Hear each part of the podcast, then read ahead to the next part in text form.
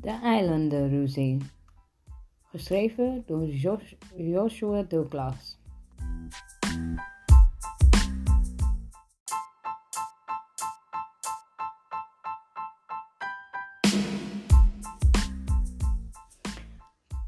Costa Banana en Costa Canaria zijn twee tropische eilandjes in Centra- Centrale Amerika. De presidenten van beide landen zijn niet bepaald vrienden. Ze hebben ruzie over bijna alles. Over wie het kerstfeest heeft uitgevonden, over wie de baas is van, eh, van de maan en over een aantal onbewoonde eilandjes. En daarom heeft de president van de Paradijseilanden hen uitgenodigd voor een gesprek. Het wordt tijd dat ze vrede sluiten, dat ze vrienden worden. Informatie over Costa Banana. De president Pablo Fernando. Aantal inwoners 6 miljoen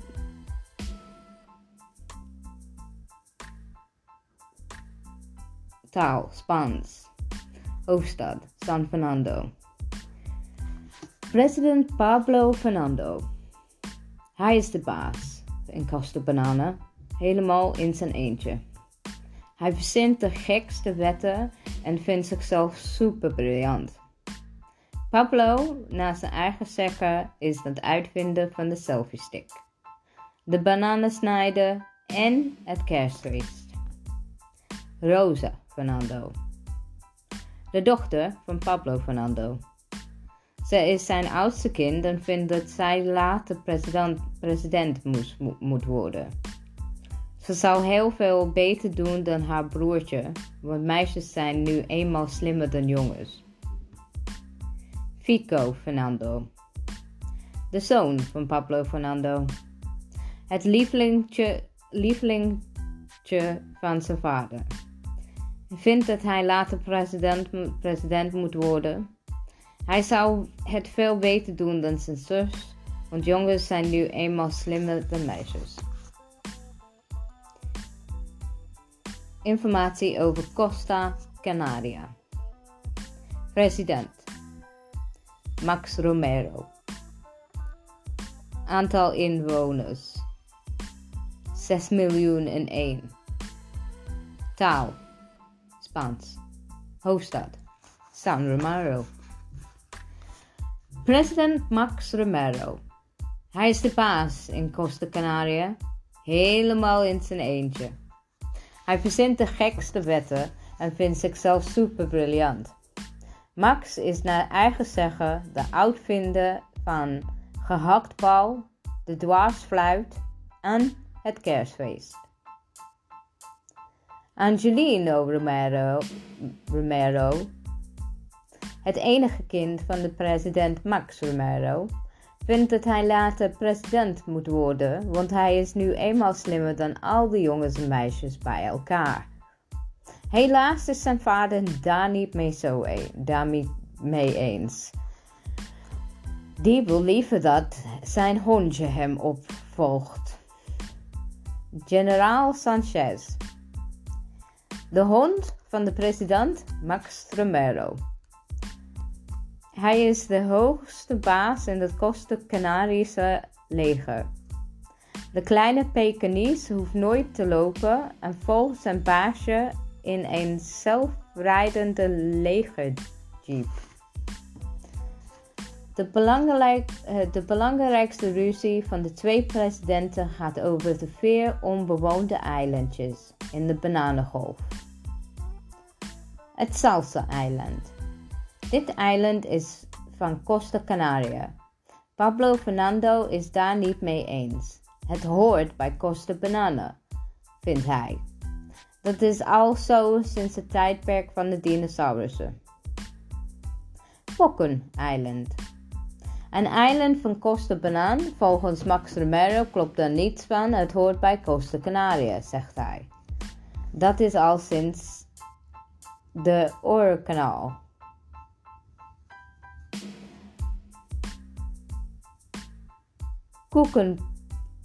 Koekepan Island. Dit kleine eiland in de vorm van de koekepan hoort bij Costa Canaria. Onzin, zegt Pablo Fernando. Dat is van hem. Het eiland waarop hij ooit pannenkoek, de pannenkoek heeft uitgevonden. Snotjes Eiland. Volgens Pablo Fernando heeft dit eiland de vorm van een snotje en daarom heeft hij het zo genoemd. Het hoort bij Costa Banaan. Maar het ligt zo dicht bij Costa Canaria dat Max Romeo wilt het hebben. Hij noemt het zelf trouwens liever Coco's Island.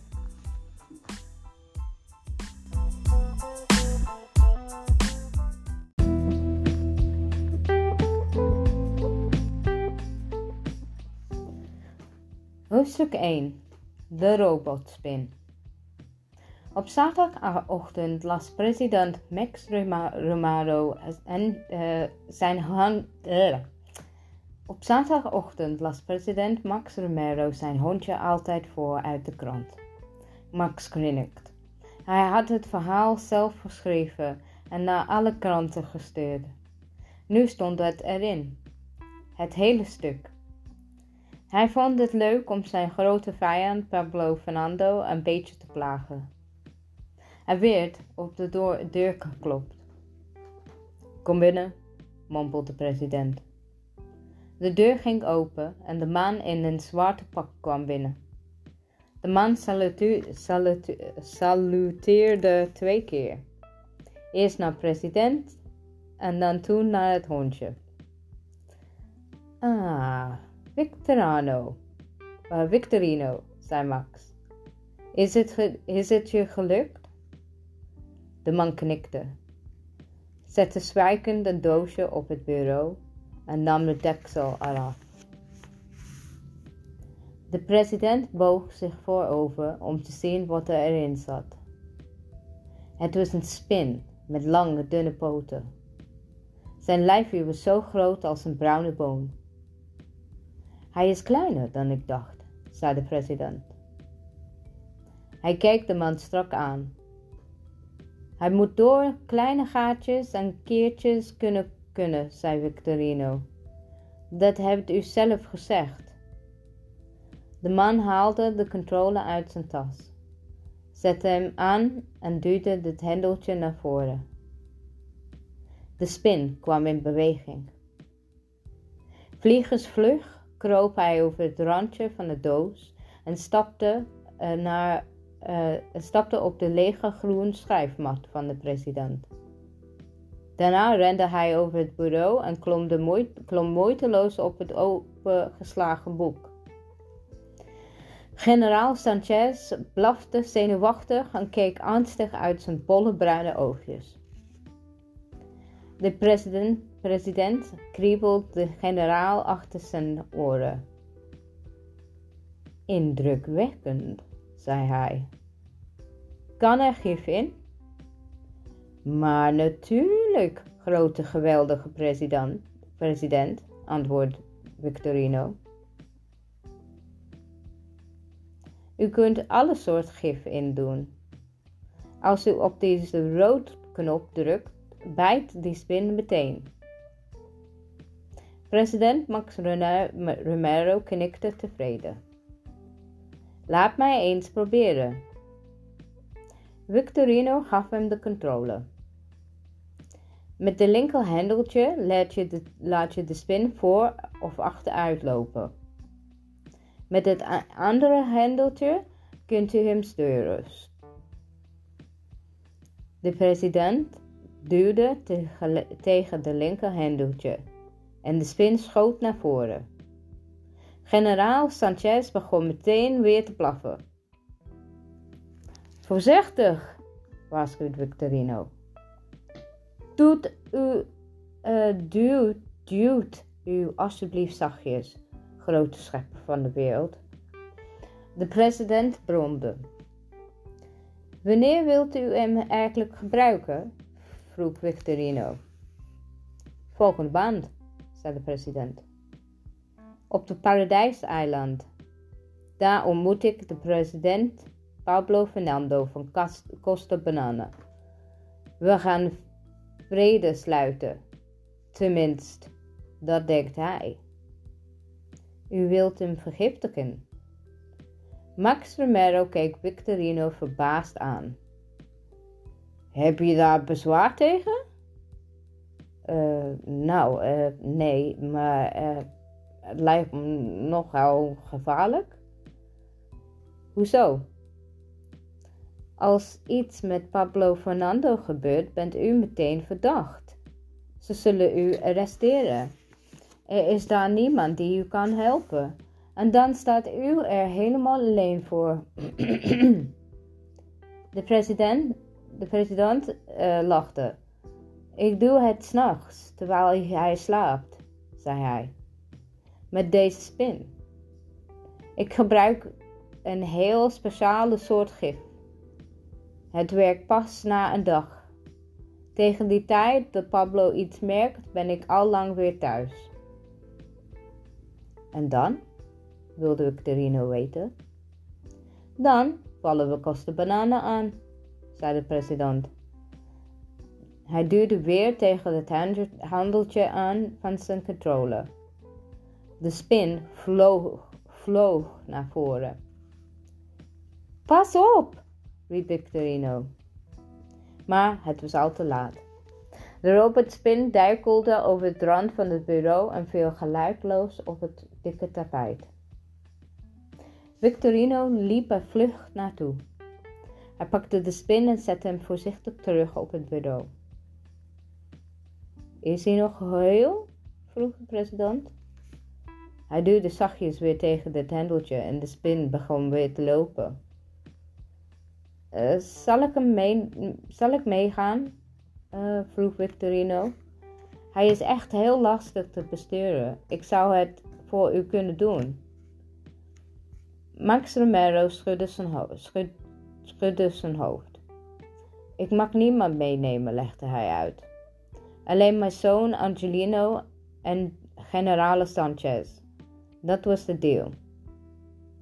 Dan kunt u misschien maar beter nog even gaan oefenen, grote geniaal bestuurder. Komt goed, komt goed, zei Max Romero. Laat dat maar over aan mij.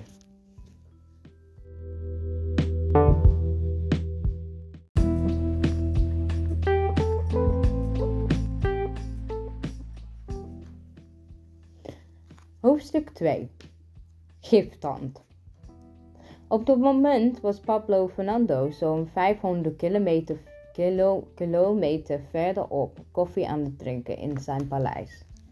Hij zat in de salon met zijn twee kinderen, Rosa en Fico. Rosa las een boek en Fico deed een spelletje op zijn tablet. Toen ik vanmorgen wakker werd, had ik zomaar ineens een briljant idee zei de president met een grote glimlach. Ga je een nijlpaard kopen? vroeg Fico, zonder op te kijken van zijn scherm. De president glunderde. Nee, veel gaver. Ik ga mijn benen laten verlengen. Pablo Fernando was een klein mannetje en hij had daar altijd, uh, altijd moeilijk mee gehad. Hij vond het niet stoer om klein te zijn. Daarom had hij een boek geschreven waarin hij zichzelf wat groter maakte. Er stonden wonderlijke dingen in. Er stond dat hij 2,5 meter lang was en dat hij, als hij kwaad werd, nog veel langer kon worden. Dat hij ma schoon, uh, schoenmaat 98 had dat zijn stem lager klonk dan een uh, gegrom van de sabeltandtijger. Dat zijn maag zo groot was dat er met gemak 65 gafballen in pasten. En dat hij zo'n enorme blaas had dat hij zou pas 10 dagen en 4 uur kon, ophouden, kon het ophouden. De president was gek op dit boek. Het lag op zijn nachtkastje. Hij las het iedere avond voordat hij ging slapen. Het gaf hem een goed gevoel, maar hij werd geen centimeter langer van. Anderhalf meter was hij. En dat was niet bepaald groot. Met anderhalf meter kun je nog kinderkleding aan. En je mag maar net, acht, uh, net naar die achtbaan. Als hij met iemand op de foto ging, had hij een krukje nodig. En als hij de auto bestuurde, kon hij, een kon hij zonder kussentje niet eens uit het raam kijken. Er waren eigenlijk drie voordelen aan klein zijn. 1. Het was handig bij verstoppertje.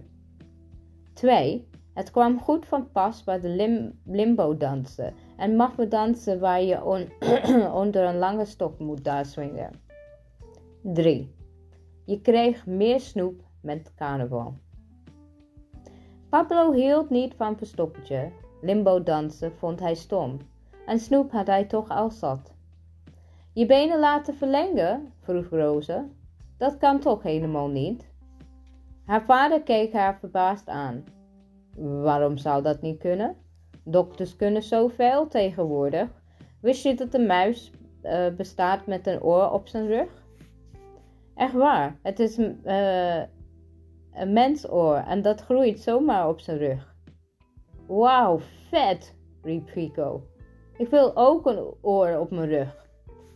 En twee ogen op mijn billen. Dat is grappig als je op de wc zit. Misschien moet je ook een blaasvergroting nemen, zei Rosa tegen de vader. Dan kun je je, je, dan kun je, je blaas wat langer volhouden.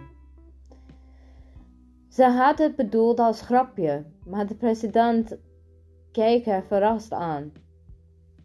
Dat is briljant, Roze. Eindelijk kom jij ook eens met een goed idee. Hij klapte in zijn handen. Laat de dokter maar komen.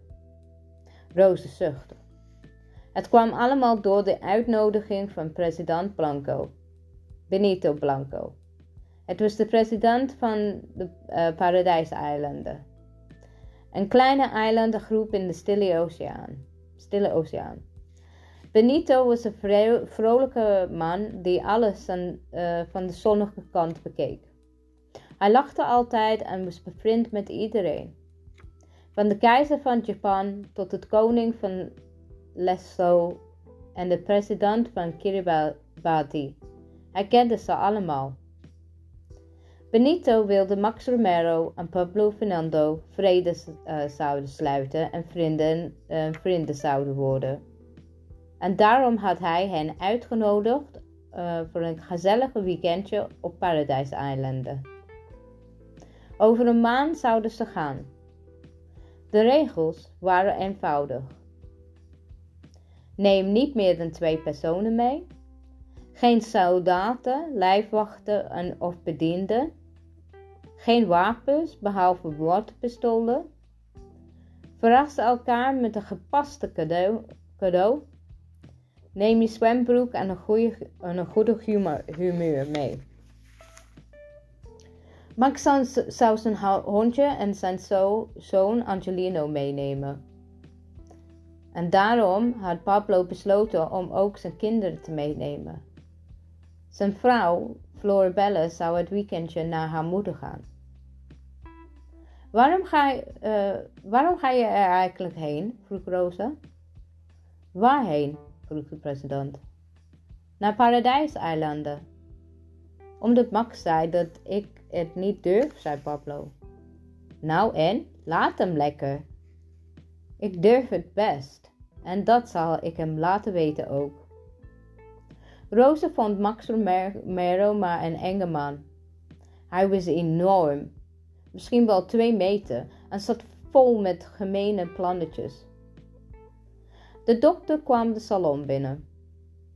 U hebt mij geroepen, reusachtige grote president. Ik wil een beenverlenging, zei de president. Een beenverlenging? vroeg de dokter. Ja, ja, uh, en een blaasvergroting. De president dacht even na. En ik wil ook een lagere stem. Een lagere stem? Mensen met een lagere stem krijgen vaker hun zin, legde de president uit. Dat zag ik op tv. Roze grinnikt. Ze hadden er wel eens van gehoord. Hoe lager de stem, hoe beter mensen naar je luisteren. Ze vroegen zich af uh, of kinderen. Mm, uh, ze vroegen zich af uh, of kinderen met een lage stem ook, stem ook meer snoep kregen en later naar, bed, later naar bed mochten. Dan moeten we uw ademsappel vergroten, zei de dokter. Hij wees op de keel van de president en um, zei: Hoe groter de ademsappel, hoe lager die stem. Doe maar, zei de president. Ik wil ook zo'n mooie, diepe, donkere stem. U bedoelt net, als, net zoals president, president Romero. Pablo keek zijn dochter nijdig aan. Lager, zei hij. Ik wil ook een giftand. Hoe bedoelt u? Nou, gewoon een tand met gif erin, zoals slangen uh, ook wel hebben. De dokter schraapte zijn keel. Een beenverlenging, dat heb ik nog nooit gedaan. Ik weet niet of, u dan ooit nog kan, kunt basketballen. Als jij je best doet, dan dans ik binnen de kortste keren weer het zamba. U zult een lange tijd moeten herstellen, zei de dokter. Ik vrees dat u in een, in rolstoel naar de Paradijseilanden moet. De president gromde. En die lage stem? U kunt zeker drie maanden niet praten, zei de dokter rustig. En u zult voorlopig moeten plassen met een kraantje. De president zuchtte. Doe dan maar alleen maar een giftand. Dat kan, zei de dokter. Maar de kans is groot dat je uw eigen eten vergiftigt met die tand. U zult niet lang blijven leven, grote begiftigde president. Maar ik kan toch zo niet maar naar Max Romero, riep Pablo uit. Hij is veel groter dan ik. Het gaat niet aan uw lengte, zei de dokter. Ook niet uw, om uw stem of de grootte van uw blaas. De president keek hem spottend aan. Oh nee, waar gaat het dan wel om? De dokter glimlachte. Het gaat allemaal om uitstraling. Napoleon, Napoleon was niet groot. Toch was hij een groot leider. En alle mensen keken naar hem op. De president knikte. De dokter gaf nog veel meer voorbeelden van de kleine mannen die grootste dingen hadden gedaan. Voetballers, filo filosofen, popsterren, presidenten. De wereld hadden, die, die wereld hadden allemaal veranderd. Toen pakte hij een schrijfblok, krabde op iets, scheurde het papier eruit en gaf het aan Pablo. Ik adviseer u om eens met deze meneer te gaan praten. Pablo fronste zijn wenkbrauw. Dr. Rubio? Dr. Rubio is een. Hmm, de dochter dacht even na. Hij kan u trucjes leren, trucjes waarmee u iedereen in uw macht krijgt. Ook Max Romero? De president kijkt de dokter ongelooflijk aan. Max Romero zal alles doen wat u wilt.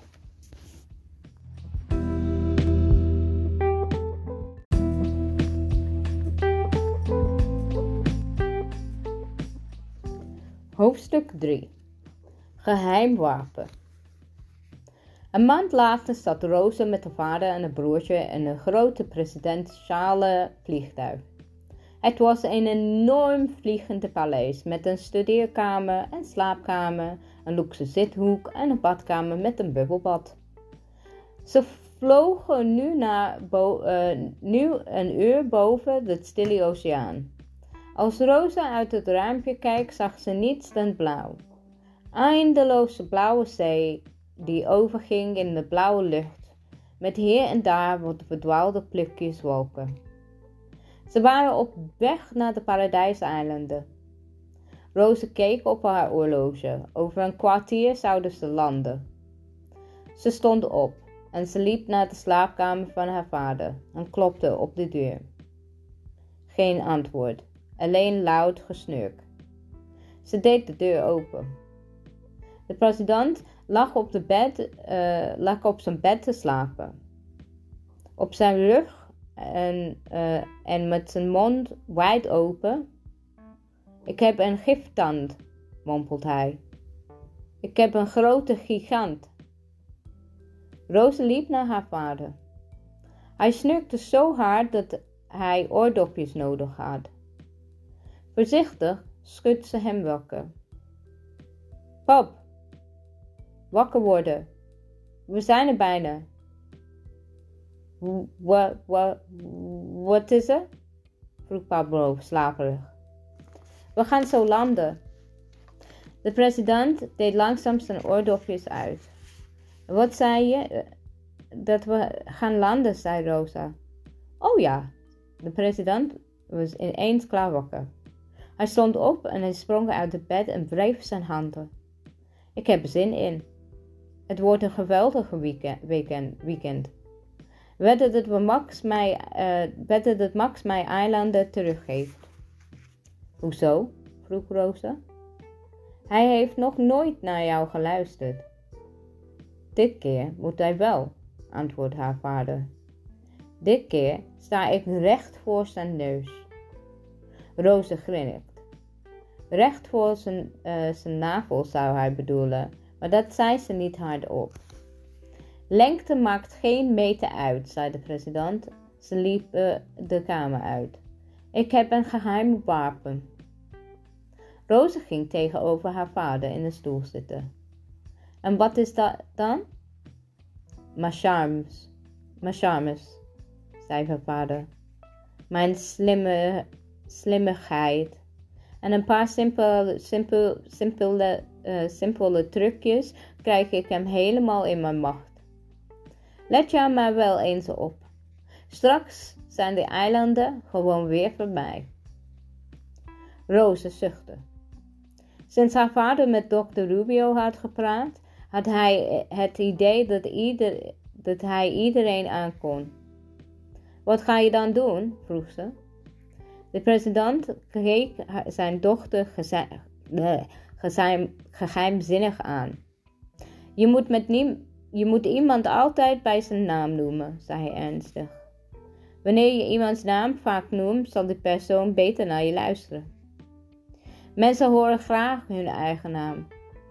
Het maakt hen vrolijk en het geeft hen een goed gevoel.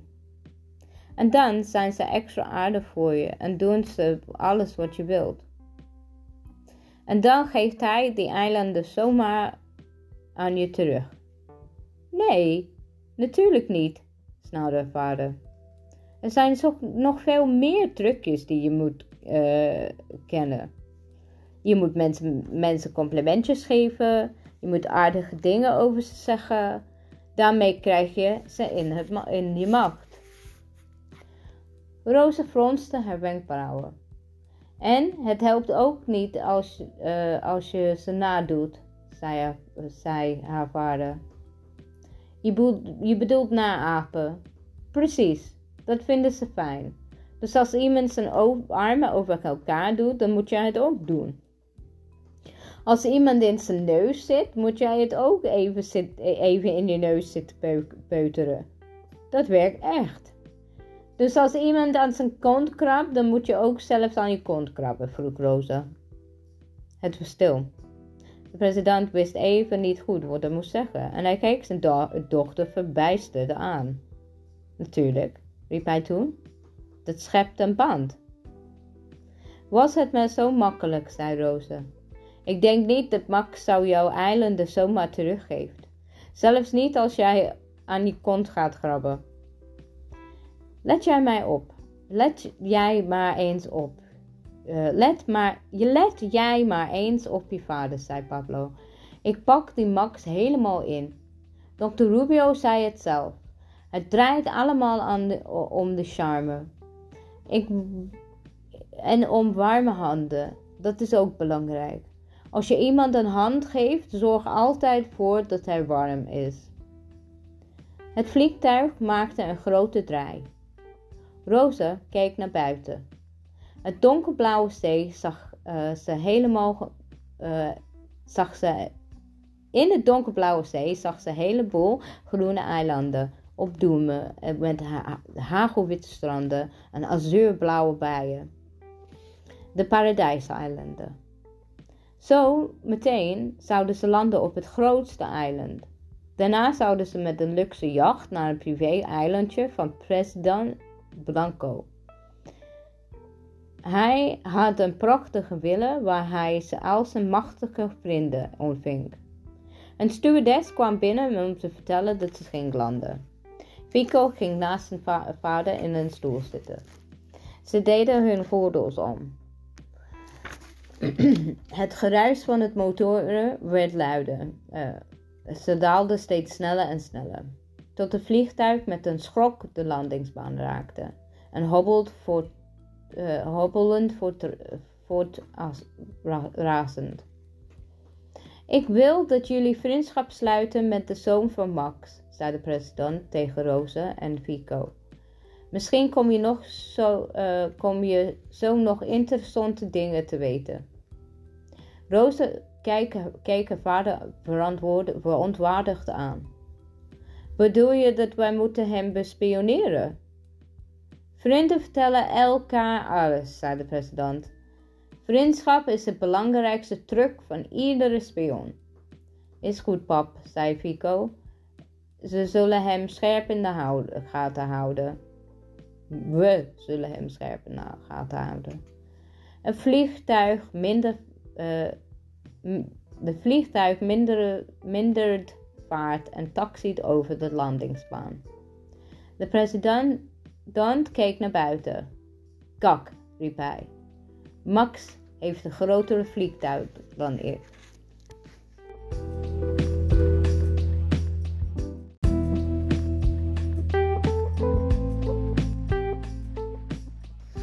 Hoofdstuk 4 Angelino Een grote jacht bracht de president, eh, president en de kinderen naar het eilandje van Benito Blanco. Vanaf het aanlegstijgen volgden ze de uh, houten vlonderpad door een klein stukje tropische bos. Al gauw kwamen ze bij een schitterende strandvilla. Aan de voorkant was een grote, van de grote, uh, was een grote terras, terras met een zwembad en een bubbelbad. Met een ongelooflijk uitzicht over de zee. Via een brede, uh, brede stenen, uh, stenen trap liep je zo het strand op. Er groeiden palmbomen. Het zand was wit en onvoorstelbaar zacht. Het was een klein paradijsje. Niemand zou hun heer kunnen storen. Ze zouden volledig veilig zijn, had Benito gezegd. Alleen zijn betrouwbaarste bedienden, bedienden kwamen mee. En tijdens het bezoek kon niemand op het eiland op of af. Hun spullen worden gecontroleerd en daarna meteen in een gouden karretje, karretje naar hun kamers gebracht. Nadat hun luxe verblijf hadden bewonderd, liepen Rosa en Fico achter hun vader aan op het terras. President Blanco zat al onder de parasol op hen te wachten. Hij stond meteen op en toen, zag hij, uh, toen zijn gasten zag, Pablo, goed, dat je, goed om je te zien, man. Is het je gastenverblijf naar wens? Pablo knikte en hij keek zenuwachtig om zich heen. Ga vast zitten, zei Benito. Ons vriend Max komt zo aan. Benito Blanco droeg een witte broek met een kleurige Hawaii shirt. Hij was een forse man met een bolle buik en een vrolijk ronde gezicht. Hij had ondeugend glinsterende ogen en een grote mond met volle lippen. Wat zijn jullie groot geworden, zei Benito tegen Rosa en Vico. Rosa knikte verlegen. Benito was een harige man. Op zijn borst, de armen, benen en handen had hij een donkere donsvachtje. En uit een van zijn neusgaten groeiden ook twee dikke haren, uh, waardoor het leek alsof er insect in zijn neus verscholen zat. Ah, daar hebben we onze andere gasten, riep, hij, riep Benito. Max Romero kwam op het terras. Hij droeg een witte marine uh, uniform met een heleboel medailles op zijn borst. Zijn zoon Angelo en zijn hondje kwamen achter hem aan. De Pekingese reed in een uh, groene jeep en droeg een lege uniform met een pet. Wat een knappe hand, uh, wat een knappe hond, zei Benito. Heb je hem dat geleerd? Max haalde de kleine kastje uit zijn broekzak. Het is een zelfrijdende jeep, zei hij. Hij volgt deze zender, die ik altijd bij me draag. Generaal Sanchez gaat overal waar ik ook ga. Ik dacht dat we geen soldaten mochten meenemen, zei Roze. Max tilde zijn kleine generaal uit de jeep. Generaal Sanchez is family, zei hij. Net als Angelo, uh, Angelino. Kom hou aan tafel, Max, zei Benito. Ik denk dat het begin is het prachtige vriendschap. Max ging zitten. Het hondje nam hij op schoot. En Angelino koos een stoel naast Roze. Hij was lang, net als zijn vader, en had mooi donkere ogen. Rosa bekeek generaal eh, Sanchez en zei: Kleine hondjes hebben altijd hoofdpijn. Dat komt door hun kleine kopje. Hun hersens zijn eigenlijk te groot voor hun schedel en dat doet superveel pijn. Max Romero keek Rosa geërgerd aan. Pas op, pas maar op, riep hij baars. De meeste oorlogen beginnen met een hoofdpijn. En als ze boos worden, kunnen, kunnen hun oogjes er ook zo, uh, ook zo uitploppen, zei Vico. Dat zag ik op YouTube. Generaal Sanchez gromde. Rustig aan, jongens, zuster Benito. We zijn nog niet eens begonnen. Een bediende bracht glazen met frisse limonade. Max Romero schoof een, sigaret in zijn gouden sigaretpijpje, stak hem aan en leunde achterover. Pablo Fernando hief zijn glas. Hij kuchte gromde en schraapte zijn keel en daarna zei hij met een zo lage mogelijke stem op Max Romero. Max, Max keek hem verbaasd aan. Probeer, jij, uh, probeer je nou een koffiemachine na te doen, Pablo? Of moet je gewoon kakken? Pablo deed of hij niets hoorde en met zijn charmantste glimlach zei hij: Wat zie je er vandaag weer prachtig uit, Max? Wat heb je toch een mooie. Hij dacht even na. Wat heb je toch een mooie gebit? Max glimlachte, al zijn tanden bloot. Ik heb een kunstgebit, slijmbal. Even was het stil. En toen stond Angelino op. Mag ik van tafel? vroeg hij aan zijn vader. Ik wil Rosa en Fico iets moois laten zien. Max Romero knikte. Rosa en Fico keken meteen naar hun eigen vader. Ga maar, zei hij met een knipoog. Angelino was meteen, uh, was meteen weggerend, de willen in. Rosa en Fico liepen vlug achter hem aan. In de statige hal was een enorm, van het enorme huis bleven ze even staan. Er waren twee geboogde trappen die, uh, die boven samenkwamen. Daar waren gastverblijven, links dat van Max en rechts dat van Pablo. Angelino was al boven en hij kijkt over die relling naar beneden. Komen jullie nog? Fico ging als eerste trap op en Rosa kwam vlak achter hem aan. Toen ze boven waren, was Angelino nergens meer te zien. De deur van Max Romano's verblijf stond op een keer. Rosa liep erheen en gluurde voorzichtig naar, uh, naar binnen. Het verblijf zag er precies zo uit als die van hen. Het was een grote woonkamer met een uitzicht over de heldere bij. Ze zag een hoge boekenkast met aan, een antiek bureau, een glimde zwarte vleugel. Links en rechts waren slaapkamers met elk, uh, elk een eigen badkamer. Er waren openstaande deuren naar een grote balkon. Zie je hem? vroeg Fico. Roze stapte naar binnen en keek rond. Er stond een deur open. Volgens mij zit hij daar. Ze liepen naar de openstaande deur. Het was doodstil in het verblijf. Ineens bleef Roze staan. Ze keek naar haar broertje en legde een wijsvinger tegen haar mond. Uit de slaapkamer klonk een zacht geschuif.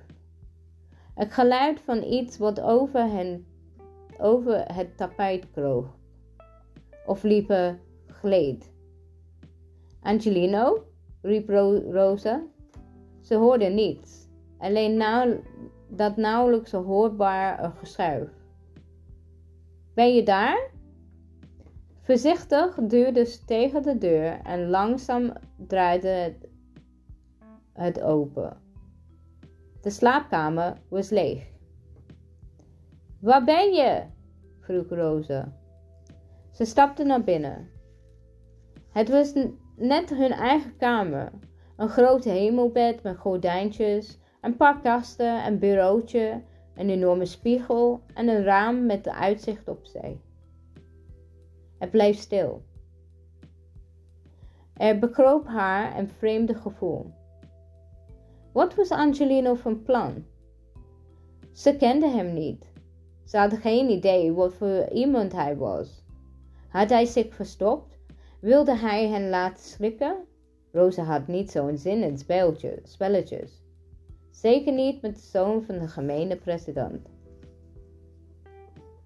Nou, dan gaan we weer maar, zei ze. Ze wilde zich juist omdraaien en toen was een enorme robotslang onder het bed vandaan uh, geschoten. Roze gilde van, strip, van schrik. De kop van de slang was volledig in staal en de lijf was gemaakt van zwarte rubber met de glanzende metalen ringen om eromheen. Vet! riep Fico. Roze deed een stapje naar achteren en struikelde bijna over haar broodje. Angelino? riep ze. Geen antwoord. De slang richtte zich op en keek, naar dreigend, en keek haar dreigend aan.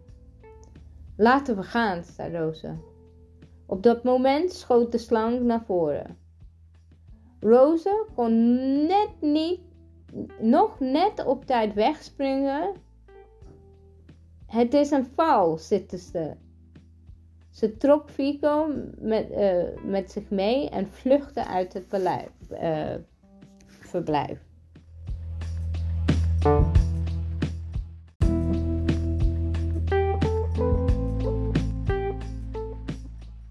Hoofdstuk 5 Hondenschoentjes hij doet niets hoor, riep Angelo, Angelino. Doorlopen, snauwde Roze. Het was een geintje.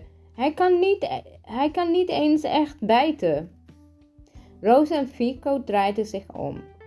Angelino stond op de drempel van het verblijf. De robotslang hing om zijn nek. Ik wilde jullie alleen even laten schrikken, zei hij. Ik heb hem voor mijn verjaardag gekregen. Hij hield de controle omhoog. Hiermee kan ik hem besturen. Ik vond er niks grappigs aan, zei Rosa. Fico liep naar Angelino toe. Mag ik hem eens proberen? vroeg hij. Tuurlijk! Uh, Angelino legde de slang weer op het grond en gaf Fico de controle. Het was een klein kastje met een beeldscherm. Twee hendeltjes en knoopjes. Weet je hoe het werkt? vroeg Angelino. Fico knikte. Ik heb drie spionagevliegen. Angelino keek hem verbaasd aan. Het zijn robotvliegen, vertelde Fico trots. Ze zijn even zo groot als een bromvlieg, uh, als bromvliegen en ze zien er net zo uit. Er zit een piepklein kamertje op en... Fico, snauwde Roze. Fico deed zijn zus verbaasd aan. Hoezo, mag ik dat van niet vertellen? Het hele idee van de spionagevlieg is dat niemand zou weten dat je er een hebt. Wou je me bespioneren, Roze? zei Angelino met een spottende lachje. Roze werd rood, maar ze herstelde zich. En jij? ze zei. Wat was jij van plan om met die slang te doen? Niets, zei Angelino. Ik heb hem weer gewoon voor de, de gein. Hij kan onder water. Ik wil ermee gaan duiken dit weekend. Er zitten prachtige vissen in het rivier vlakbij.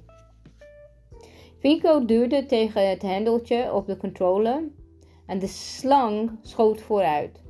De woonkamer, het schoot door de woonkamer van de gastenverblijf in. Bijna geruisloos kronkeld over het tapijt. Behendig stuurde Fieke hem tussen de stoelpoten door. Geinig, zei hij. Maar een robotvlieg is toch echt een andere level. Angelino keek Fico minachtend aan. Ik heb thuis mijn eigen vliegtuig waar ik zelf in vlieg. Ik kan heus wel een strontvlieg besturen. Oké, zei Fico. Laat maar zien dan. Prima, zei Angelino. Fico gaf hem zijn controle terug en liep voor Angelino uit hun eigen verblijf. Eh, uit naar hun eigen verblijf. Rosa bleef alleen achter. De deur naar het verblijf van Max Romero en zijn zoon stond nog open. Dit was haar kans om meer over de president Romero te komen weten. Zou ze alleen maar binnen durven? Eigenlijk kon het niet, rond, uh, kon het niet. Rondneuzen en andermans spullen. Dat was spioneren. Maar Max was, Max was een gevaarlijke man. Ze keek om zich heen en er, ehm, er was niemand in de buurt en dus glipte ze vlug naar binnen. De kleine slaapkamer aan de zeekant was die van Angelino. Die hadden ze net gezien al. Ze besloot de grote kamer aan de achterkant ook eens te bekijken. Voorzichtig, op, voorzichtig opende ze de deur en stond een enorme hemelbed met een heleboel kussens op. Ze rook het sterkte, kruidige parfum van de president, vermengd met de geur van sigaretten en doordringende hondenlucht. Ze opende een paar kastjes en, en laadjes en er lagen t-shirts in en wat boeken. Daarna liet ze zich op haar knieën vallen onder de bed. Niets bijzonders behalve een, een paar klein zwarte schoentjes. Hondenschoentjes, bedacht ze, van generaal de Sanchez misschien. Plotseling hoorde ze iets in de badkamer, een zachte gestommel. Haar, haar hart sloeg over. Was er iemand in de badkamer? Ze krabbelde over einde, einde en keek angstig naar de deur. Het was vast een schoonmaker of een bediende. Ze spitste haar oren, maar hoorde niets meer. Alleen het geruis van het oceaan door het open raam. Roos slikte. Zou ze even gaan kijken? Het liefst zou ze nu zich willen omdraaien en heel hard wegrennen. Want dat zou ze nooit weten, dan zou ze nooit weten wat het was geweest. Misschien was er niets. Hield ze zichzelf voor de gek. Een raam dat of een vogel. Op haar tenen sloop naar, uh, naar de badkamer. Geruisloos deed ze die klink omlaag en duwde de deur langzaam open en keek gespannen naar, gespannen naar binnen. Niets, niemand. Een klein raampje stond wel open, het klepperde in de wind. Roze slachte en zucht van opluchting. Kunnen we je helpen? Geschrokken draaide zich om. Draaide ze zich om.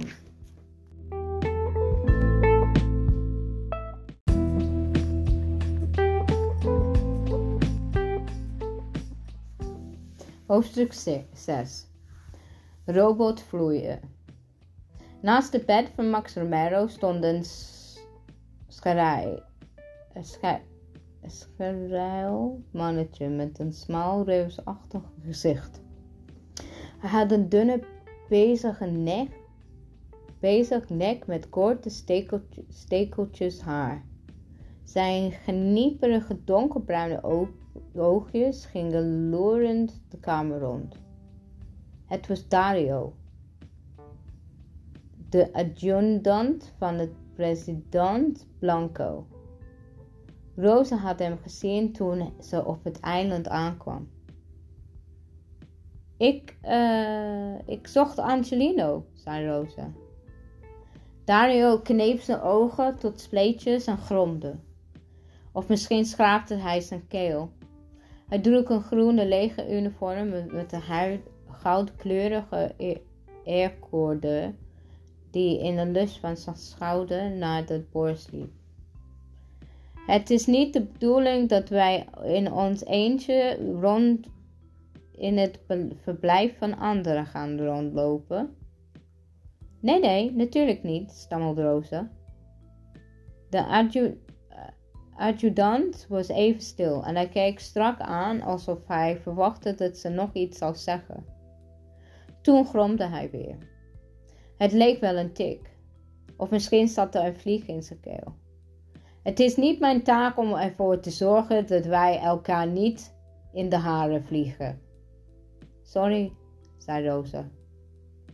Dario trok zijn gezicht in een rare grimas, die misschien bedoeld was als een glimlach. Hebben we soms zin om te gaan zwemmen? Dat leek me wel leuk, zei Rosa. Heel goed.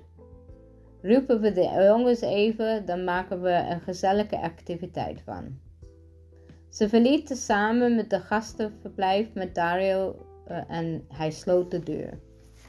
Daarna gromde hij, draaide zich om en liep met het houterige passen de trap af. Rosa ging vlug naar hun eigen, uh, eigen verblijf. Angelino was nog bezig met de robotvlieg. Hij had de controle in zijn hand en hij liet de vlieg met de grootste gemak loopings en een duikvluchten maken. Het lukte hem ook zelfs om er woorden mee in de lucht te schrijven. Doe je het wel voorzichtig, zei Fico. Het is een dure ding. Er zit een minuscuul kamertje op. De kleinste ter wereld. Weer verscheen het spottende lachje op. Angelino's gezicht. Ik heb thuis een paar uh, robotvlooien. Die zijn net zo groot als echte vlooien. Die kamertjes op die dingen zijn pas klein. Ik denk wel honderd keer zo klein. Komen jullie ook zwemmen? vroeg Rosa.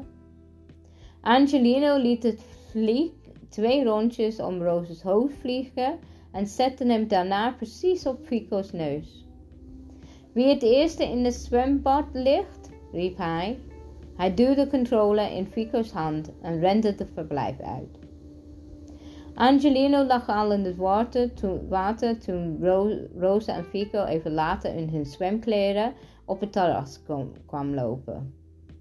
Zodra hij hen zag, zwom hij naar de kant. Hij hees zich uit het zwembad en rende naar het hoge duikplank. Lelijk klim hij naar boven. Hij grinste naar Fico terwijl hij achterloos, achterloos zijn natte haren naar achteren veegde. Let op, riep hij. Hij nam aanloop over de duikplank en sprong met voorwaartse salto in het water. Zeerlijk als een dolfijn kwam hij weer omhoog. Nu jij, riep hij tegen Pico. Pico aarzelde geen moment. Hij haalde naar de trap en klom snel naar boven. Daarna rende hij over het duikplank en sprong met een opgetrokken been in het water. Een enorme golf ging door het bad en spoelde over de randen. Roze dook gewoon vanaf het kant in het water. Het was lekker cool. Ik heb thuis twee echte leeuwen, zei Fico uh, tegen Angelino. Ik heb thuis een echte alien, antwoordde Angelino. Hij heet Salvador en hij heeft zuiknopjes en, uh, aan zijn vingers. Ik werd geboren met een piepkleine viool in mijn hand, zei Fico. Ik begon meteen te spelen iets van Mozart. Ik viel een keer 43ste verdiepingen van het flatgebouw en landde toen op mijn voeten, zei Angelino. Ik liet een keer een, zo'n harde schreeuw dat mijn broek scheurde, zei Fico triomfantelijk. Angelino kon, lachen niet meer, kon zijn lach niet meer inhouden. Waarom zijn mensen in Costa Bananen blij als ze een puzzel van twee maanden af hebben? vroeg hij. Hij keek Rosa en Fico verwachtingsvol aan en zei hij toen: Op de, daas, op de doos staat er drie tot vijf jaar. Ze lachten alle drie. Waarom smeren ze in Costa Canaria tandpasta op hun brood? vroeg Rosa. Dan hoeven ze na het eten hun tanden niet meer te poetsen. Ze lagen dubbel. Moet je kijken, zei Rosa, toen ze uitgelachen waren. Uit de villa kwamen de president in hun presidenten, presidenten, presidenten in hun kleine zwembroek. Pablo Fernando was het kleinste, maar hij droeg het grootste zwembroek. Ze liepen naar het bubbelbad en stapten er voor één voor één in. Ze gaan zeker over het eilanden praten, zei Rose. Ik snap niet waarom ze zo moeilijk doen. De oplossing is zo simpel. Op maandag tot en met woensdag zijn, we, zijn ze van mijn vader. En op donderdag tot en met zaterdag zijn ze van jouw vader. Op zondag dan? vroeg Angelino. Roze dacht even na. Op zondag zijn ze van de aapjes. Ze lachen. Zal ik mijn slang halen? vroeg Angelino. Hij kan ook onder water zwemmen.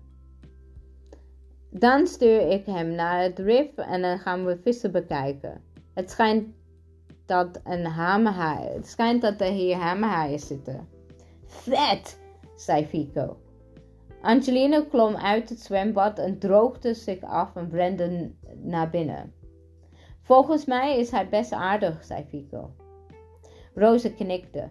Ze kijkt naar haar vader in het bubbelbad die met het heftigste armgebaren iets aan het uitleggen was aan Max Mero. Max leunde rustig achterover. Hij droeg een zonnebril waardoor je niet kon zien of hij luisterde of, of hij lag te slapen. Angelino bleef de hele tijd weg. Fico had al tien bommetjes gemaakt en Rosa had ongeveer net zoveel baantjes gezommen toen plotseling weer toen hij plotseling weer naar buiten kwam. Hij hield zijn telefoon omhoog. Ik moest even een paar berichtjes sturen, zei hij. Zullen we naar de steiger gaan? Daar kunnen we rustig zitten. Rosa en Fico klommen uit het water en volgden Angelino. Ze gingen de trap af aan de zijkant van de terras en volgden uh, het vlonde pad dwars door het dicht begroeide tropische bos. Angelino praatte en, uh, praten aan een stok door over hoe diep het en snel zijn slang kon zwemmen. Over haringen en die via skatejes met elkaar praten. Over zeeanemonen die geen scheten laten, maar wel boren. Over het wraak van het vliegtuig dat hij ooit op de bodem van de zee had, uh, zee had gevonden. In de cockpit had hij een skelet te zien, vertelde hij, met een theekopje nog tussen zijn vingers. Na een paar minuten kwamen ze weer bij de beschutte bij, waar het vlonde pad overging in het houten aanlegstijger. Aan het eind lag een enorme witte jacht van Benito Blanco. Het dobbelt vredig op het glinsterende water. Er lag ook een kleine drie-persoons onderzeeër. Het was een plat bootje, maar met een groot glazen die uh, met groot, groot glazen koepelen erop. Wauw, riep Rico. Moet je dit zien? Een maf ding. Het lijkt op een UFO.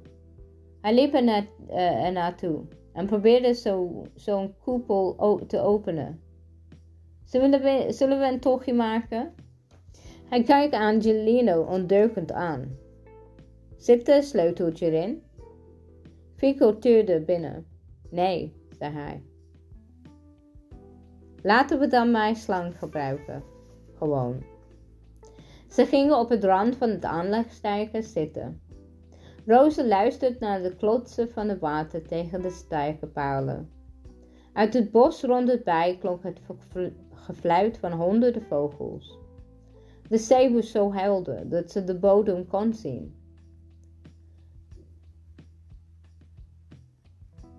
Pijlstaart, trok uh, uh, bewonderenselijk door het water als vliegende pannenkoeken. Angelino had controle aangezet en liet zijn slang rustig in de zee glijden. Daarna stuurde hij hem het bij uit naar de dieptewater. Rosa en Fico keek mee. Na een paar minuten ontvouwde zich op een schermpje een wonderlijke onderwaterwereld met koralen, anemonen en vissen in, het, in de meest fantastische kleuren. Angelino wist veel te vertellen over de dieren die de slang tegenkwam. Ze zagen grote uh, zeeschildpadden, dolfijnen en zelfs een hammerhaai. De tijd vloog voorbij. Het was zes uur toen Dario kwam uh, hen roepen. Over een uur is het diner op, het diner op het terras. Hij kukte en grijnsde. Ik stel voor dat we ons een beetje gaan opfrissen. Ze volgden de adjudant terug naar de villa. Roze douchte als eerst en ze voelde vrolijk en ongewoon licht. Het was een prachtige dag geweest. Het eiland was geweldig en Angelino bleek ontzettend aardig te zijn. Misschien zou het toch niet nog een leuk weekendje worden. Ze droogde zich af en trok om haar mooiste jurk en stapte, stapte de slaapkamer binnen. Het was een enorme puinhoop. Fico had al zijn spullen uit het nachtkastje op de, nachtkastje op de grond gegooid. Wat ben je aan het doen? vroeg Roze. De vliegen, riep hij. Ze zijn weg. Ik weet zeker dat ze hier had neergelegd. Iemand had ze gestolen.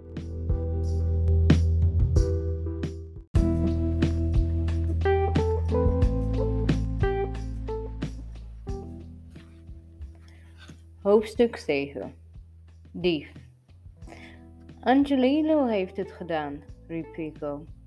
Zijn hoofd was rood geworden. Hij is de enige aan wie ik ze heb laten zien. Hij wist precies waar ze lagen. Dat kan niet, dacht Roze. Angelino was zo aardig geweest. Waarom zou hij zoiets doen? Of was jij alleen maar aardig om hen te kunnen bespioneren? Ze dacht aan wat haar vader had gezegd over spionnen. Vriendschap was het, een, was het manier om over iemand te weten te komen. Ideale, ideale spion was tegelijkertijd een ideale, ideale vriend. Weet je zeker dat niemand anders is geweest? vroeg Rosa. Een van de bedienden of zo. Maar die wisten toch niet wat, dat ik ze had, zei Fico. Alleen Angelino wist ervan. Verder heeft niemand anders gezien. Rosa dacht naar. Toen ze aankwam, had Dario hun koffers doorzocht om zeker te weten dat zijn, uh, van zijn dat uh, de president niet stiekem wapens probeerde mee te smokkelen. En Dario vroeg ze: Heeft hij niet gezien toen hij in je koffer keek? Nee, zei Fico. Ik had ze al gestopt in een kleine plastic bootje. Ik zei toch, alleen Angelino heeft ze gezien. Hij wist, zel, hij, wijst, hij wist zelfs waar ik ze bewaarde. In gedachten ging Rosa naar wat ze de middag allemaal hadden gedaan. Angelino was de hele tijd bij hen geweest. Eerst in het zwembad en daarna bij de steiger. Toen bedacht ze dat Angelino in zijn eentje naar binnen was gegaan. De slang, zei Rosa. Toen hij die slang haalde, is hij naar binnen geweest. En hij bleef super lang weg, zei, uh, Fico. Zie je wel, die gluipert. Ik ga meteen naar hem toe. Fico rende het vertrek uit. De gang op en klom drie keer en klopte drie keer woest op de deur van president Max. Rosa liep hem achterna. Angelo de deed vrijwel meteen open. Hij droeg een keurige overhemd en de stroopdas, met gele kanaries erop. Er klonk pianomuziek uit het verblijf. Het was een klassiek stuk, wervelend en snel. Hé, hey, zei Angelo kalm. Wat is er? Hij rook naar shampoo. Zijn haren had hij in een strakke scheiding gekamd. Wat heb je met die vliegen gedaan? riep Fico. Het bleef even stil.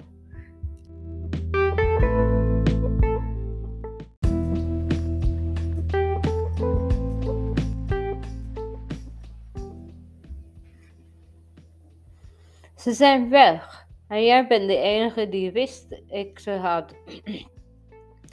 jij wist waar ik ze bewaarde. Jij hebt ze gestolen. Geef maar toe. Angelino keek Fico spottend aan. Durf jij niet, alleen te komen of zo? Moest je, moest, moest je per se je zus meenemen? Hij knikte naar Rosa. De muziek stopte abrupt. Wie is dat? klonk een diepe stem van de. Van, het was Max Romero. Wat is er aan de hand? Niets, zei Angelino over zijn gouden tegen zijn vader. Gewoon een misverstand. Tegen Rosa en Fico zei hij: Ik zie jullie straks bij het diner. Tot zo. En daarna deed hij de deur dicht. Wat een cirkel, mompelde Fico. Laat maar, we krijgen hem nog wel, antwoordde Roze. Ze liepen terug naar hun eigen gastverblijf. Fico nam het douche kleed zich aan en daarna liepen ze samen met hun vader naar het terras voor het diner. Pablo had een rode uniform aangetrokken. Dr. Rubio had gezegd dat voetbalteams in, uh, in, in het rood vaak gewonnen. Rood was een krachtige kleur. Dat maakte, dat maakte de indruk en dat hielp als je wilde winnen. En Pablo, wilde, winnen. Hij wilde stoer zijn. Maar in werkelijkheid zag hij eruit als een, trommel, een in een uh, of in een liftbediende van een dure hotel. Of als een ouderwetse brandweercommandant. De zon ging, onder, juist, uh, zon ging juist onder. De lucht boven de zee kleurde een diepe paars, oranje, roosrood. Benito, Max, Angelino zaten al keurig aan de gedekte tafel op het terras. Een groepje muzikanten speelde vrolijk salsa onder en van de, onder een van de kokospalmen. Wat is er, Fico? vroeg Benito toen ze aan tafel ging zitten. Waarom kijk je zo boos? Dit is toch een feestelijke avond? Angelino heeft mijn vlieger gestolen, zei Fico. Benito fronste met zijn wenkbrauwen. Uit zijn ene neus gaat stak nog altijd twee dikke zwarte haren. Uh, je vliegen? vroeg hij. Heb je vliegen als huisdieren? Nee, robot vliegen, zei Fico.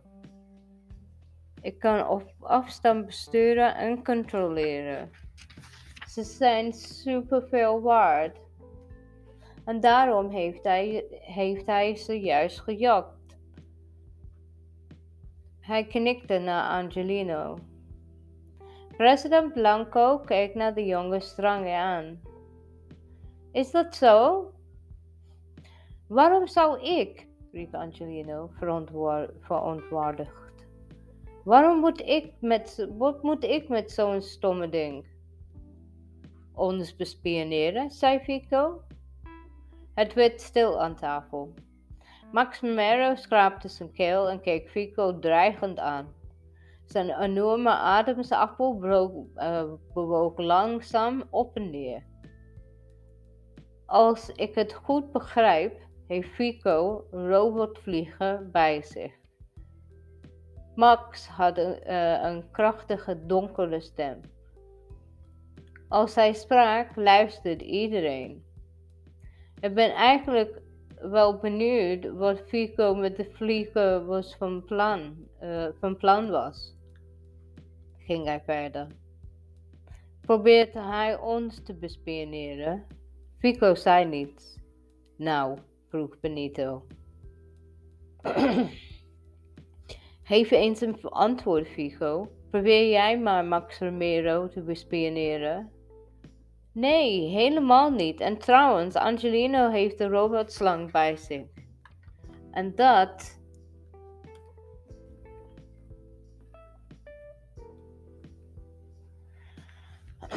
Een robotslang bij zich. Uh, en dat is niet zoiets, net zoiets. Die gebruik ik alleen maar om te duiken, zei Angelino. We hebben wat middag samen naar de korrel gekeken. Rosa en Fico waren erbij. Benito knikte. We zijn hier om vriendschap te sluiten, niet om elkaar te bespioneren. Hij klapte zijn handen. Dario, riep hij. Dario, die al die tijd had klaargestaan, deed een stap naar voren. Hij schraapte zijn keel. Wat kunnen wij voor u doen, president? Doorzoeken, doorzoek de gastverblijven, beval Benito. Neem de vliegen en de slangen in beslag en bewaar ze goed. Er wordt hier niet gespioneerd. Maar ik heb niks gedaan, riep Angelino. Ik wil alleen maar vissen, de vissen kijken. Rustig, jongen, bromde zijn vader. Als wij weer thuis zijn, heb je nu genoeg tijd om naar de visjes te kijken. Dario ging naar binnen. Het werd ijzig stil aan tafel.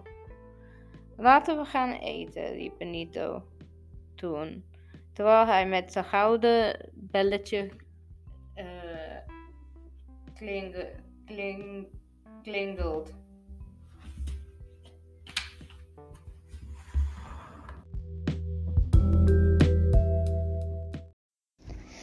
Hoofdstuk 8 De dragenei Uit de villa kwamen twee bedienden, met schalen vol met eten, waaronder bananensoep, het favoriete gerecht van Pablo Fernando. Een kanariepas eitjes, omdat Max Romero zoveel van hield. Voor General Sanchez was een biefstuk. Het hond begon opgewonden te blaffen toen hij de eten in de gaten kreeg. Vol verlangen keek hij naar, de, naar zijn bord. Zijn bruine bolle oogjes sprongen bijna uit zijn kleine kopje van geluk. Mijn excuses voor de ban, zei Benito. Hij wees naar de muzikanten. De bassist zijn contrabas vergeten. Hij grinnikt. De koffer bleek leeg, te zijn toen hij aankwam. Natuurlijk heb ik hem meteen gestraft. Hij keek en Max, Pablo en Max lachend aan. Wat denken jullie dat ik hem met hem heb gedaan? Ik zou hem naar een uh, onbewoonde eiland sturen, zei Pablo. Dat werkt perfect. Ik zou hem na een maand in de lege koffer laten zitten, zei Max. President Blanco begon te lachen, want, want wat zijn jullie toch weer streng en serieus, zei hij. Ik heb hem ik heb voor straf op vakantie gestuurd. Kennelijk was hij eraan toe. Max en Pablo keken hem, niet, uh, keken hem met een open mond aan. Je bent veel te goed, vriend, zei Max. Ik heb de laatste iemand in de gevangenis gegooid omdat hij niet saluteerde voor generaal Sanchez. Er viel ongemakkelijke stilte. Iedereen kijkt naar de Pekinese die bij Max op schoot zit en smaakte, smaken zijn biefstuk. Het was Pablo die de stilte verbrak. Max, jongen, wat ben jij toch een geweldig, briljant, geniaal, superslim, intelligent, intelligente president. Je maakt fantastische gehaktballen en je kunt nog eens heel goed kruiswoorden puzzelen doen. Wat ben je toch een gladianus, zei uh, Pablo, zei Max. Je bent net zo glibberig als een pas gekakte slakkenkeutel. Ik heb, voor jou wel, ik heb jou wel door. Je wilt de eilanden terug, of niet? Waarom ruilen jullie ze gewoon? zei Rosa. Max krijgt de eilanden van dikste bij van Costa Canaria liggen en mijn vader krijgt de eilanden die dikste bij Costa Banaan liggen. Makkelijk toch? Goed idee, Rosa, riep Benito Blanco. Waarom ruilen je niet gewoon? Omdat ze allemaal zijn van mij, zei Pablo. Dat is al sinds de tijd van de dinosaurussen. Nee, nee, nee, zei Max. Ze zijn van mij. Dat is ook al sinds de oorkanaal. Wat maakt dat uit? vroeg Rosa. Er wonen niet eens mensen daar. Bemoei je er niet mee, snauwde haar vader. Het maakt ontzettend veel uit. Als je later groot bent, zul je dat wel begrijpen. Benito klapte zijn handen. We praten later verder. Nu eerst cadeautjes. Hij keek Pablo aan en Max. Hij keek Pablo en Max vrolijk aan. Als het goed is, hebben jullie een cadeautje voor elkaar meegenomen. Max grinst. Dat klopt, zei hij. Hij maakt Pablo scherp aan. Hij kijkt Pablo scherp aan. Pablo jongen, als blijk van waardering krijg je van mij. Hij liet de stille, uh, stille stilte vallen.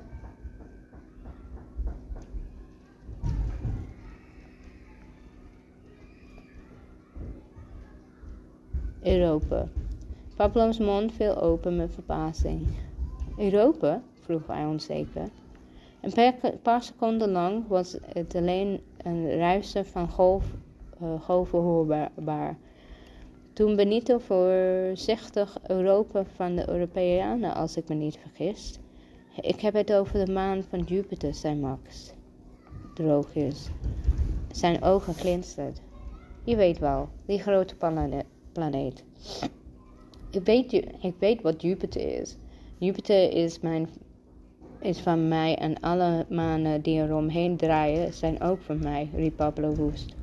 Je kunt mij niet, niet iets geven wat die ook al van mij is. De presidenten hadden niet alleen maar ruzie over de eilandjes, maar ze hadden nog ruzie over de maan en de planeten en het zonnestelsel. Pablo Fernando had de maan ooit aan zijn vrouw gegeven. Hij vond dat het een mooi verjaardagscadeau was. Meteen moest Max Romero begonnen met de maan te verkopen. Voor een paar tientjes kon je al een stuk maan kopen, de grootte van een voetbalveld. Je krijgt er een oorkonde bij, waarop stond welk stukje van jou was. Het was groot, een groot succes geworden. Mensen kochten stukjes baan als cadeau voor hun moeder, een leuke buurman of een liefste meester of juf. Pablo was woedend. De maan was van hem, of liever gezegd, van zijn vrouw Florabella. Wel nee, antwoordt Max. Europa is van mij en ik geef haar aan jou. zei Benito. Laten we nog geen ruzie gaan maken. Europa is vanaf nu sowieso van Pablo Fernando en daar weten we in elk geval over eens. Dat lijkt me wel heel wat. Hij keek Pablo hoopvol aan. En wat is jouw cadeau voor Max? Pablo knipte met zijn vingers en uit de villa kwam een bediende met een gouden serveerwagen. Er lag een cadeau op met de vorm van een grote rugbybal. De bediende duwde het wagentje naar Max toe. Ah, wat zal daar nou in zitten? riep Benito verrast. Vast geen poleet, bromde Max. Dat heeft ik nog zo wel op mijn verlanglijstje gezet. Hij kijkt Pablo streng aan. Benito begon hard te lachen. Pak uit, pak uit, riep hij vrolijk. Max nam het cadeau in zijn handen en zette het op tafel. Het was zo te zien erg zwaar. Daarna begon hij het langzaam uit te pakken. Wat is het? Wat is het? vroeg Benito nieuwsgierig. Er kwam een eivormige steen tevoorschijn. Een steen? riep Max. Wat ontzettend origineel. Het is een drakenei, verbeterde Pablo hem. Het is een versteen, het is versteen, zoals je weet, werd mijn opa geboren uit een drakenei. Ah, zei Max. Vandaar dat jullie allemaal zo klein zijn. Wist je trouwens dat de Romero's van de reuzen afstammen? Hij begon hardop te lachen. Mijn over-overgrootvader was een reus en mijn over-overgrootmoeder was een engel. Benito lachte. Max, wat ben je toch een grappenmaker, zei hij. Het is een prachtig cadeau. Laten we nu gaan eten. En daar houden we een lange kussengevecht. Als de presidenten onder elkaar morgen praten we verder. Op dat moment kwam Dario op het terras. Hij liep naar de tafel en legde de robotslang van Angelino en de vlieger van Fico voor de president Blanco neer. Meneer de president, zei hij. De robotvliegen lagen in Angelo's, Angelino's nachtkastje. Zie je wel? riep Fico meteen. Ik wist wel. Dat kan niet, schreeuwde Angelino. Ik heb die vliegen niet gestolen. Benito hield zijn handen omhoog. Jongens, geen ruzie. Dario bewaart jullie spullen. Ik stel voor dat, vrede in, uh, dat jullie vrede sluiten en elkaar niet langer bespioneren.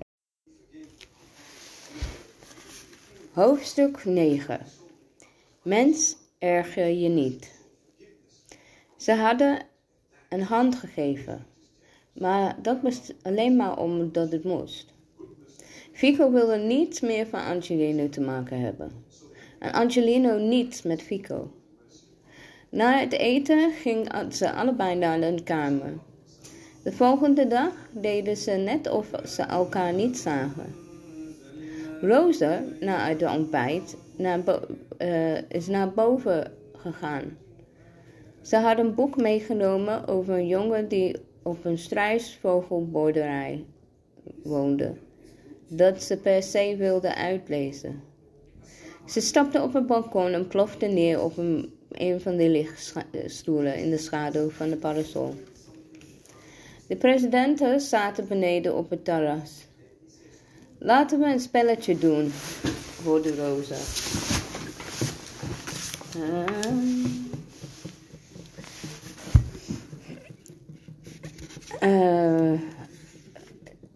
Spelletjes brengen mensen dichter bij elkaar. Wat dachten jullie van mensen erg je niet? zei Benito. Ha, goed idee, antwoordt Max. Het speel. Uh, uh, het spel dat ik heb uitgevonden. Dat is niet waar, riep Pablo. Ik heb mensen erg niet uitgevonden. Ik was zelfs nog, ik weet nog, ik weet zelfs nog waar ik was toen ik het bedacht. Oh ja? vroeg Max. Vertel eens, Pablo, waar was je? Hm, op de wc. Max begon keihard te lachen. Zo gek is dat niet hoor, zei Pablo. Er zijn een heleboel briljante dingen uitgevonden op de wc. Zoals wc-papier, zei Max. Heb je dat soms ook uitgevonden? Rustig, jongens, zei Benito. Laten we beginnen. Rosa had net vijf minuten zitten lezen toen ze plotseling haar vader hoorde schreeuwen. Het is niet eerlijk, riep hij. Er klonk gerinkel van de servies, eh, van de servies dat stuk viel. Geblaf en nog meer gerinkel en geblaf. Geschrokken sprong ze op. Ze leunde over de balstrade en keek naar beneden. Haar vader stond in het midden van de terras. Tussen de scherven, uh, tussen die scherven en een paar kopjes. Het speelbord en alle pionnetjes lagen op de grond. Hij speelt vals. Pablo is rood aangelopen. Ik speel niet vals, zei Max. Hij keek, uh, hij keek Pablo rustig aan. Tussen zijn vingers hield hij een gouden pijpje met een smeulende sigaret erin.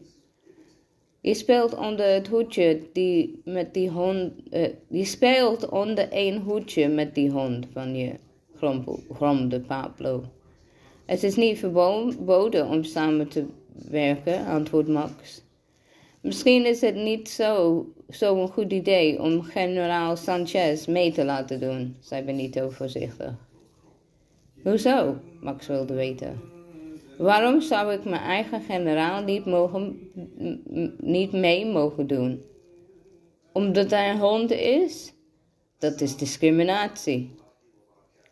De veebedienden kwamen aangerend en ze begonnen meteen op te ruimen. Zullen we opnieuw beginnen? vroeg Benito. Goed idee, zei Max. Wie wint, krijgt al die eilandjes. Hij nam een, haal van zijn sigaret en blies de rook uit door zijn neus naar buiten. Bekijk het maar, zei Pablo verontwaardigd. Je durft gewoon niet, smal, smalde Max. Ik durf het best, maar ik doe het niet. Geef niks, zei Max. Je bent een piepkleine mannetje. Je bent nog kleiner dan uh, een te heet gewassen dwergkonijn. Logisch dat je bent, uh, zou ik ook. Uh, logisch dat je bang bent, zou ik ook zijn, als ik zo klein was. Pablo Fernando werd nog roder. Ik ga naar huis, schreeuwt hij.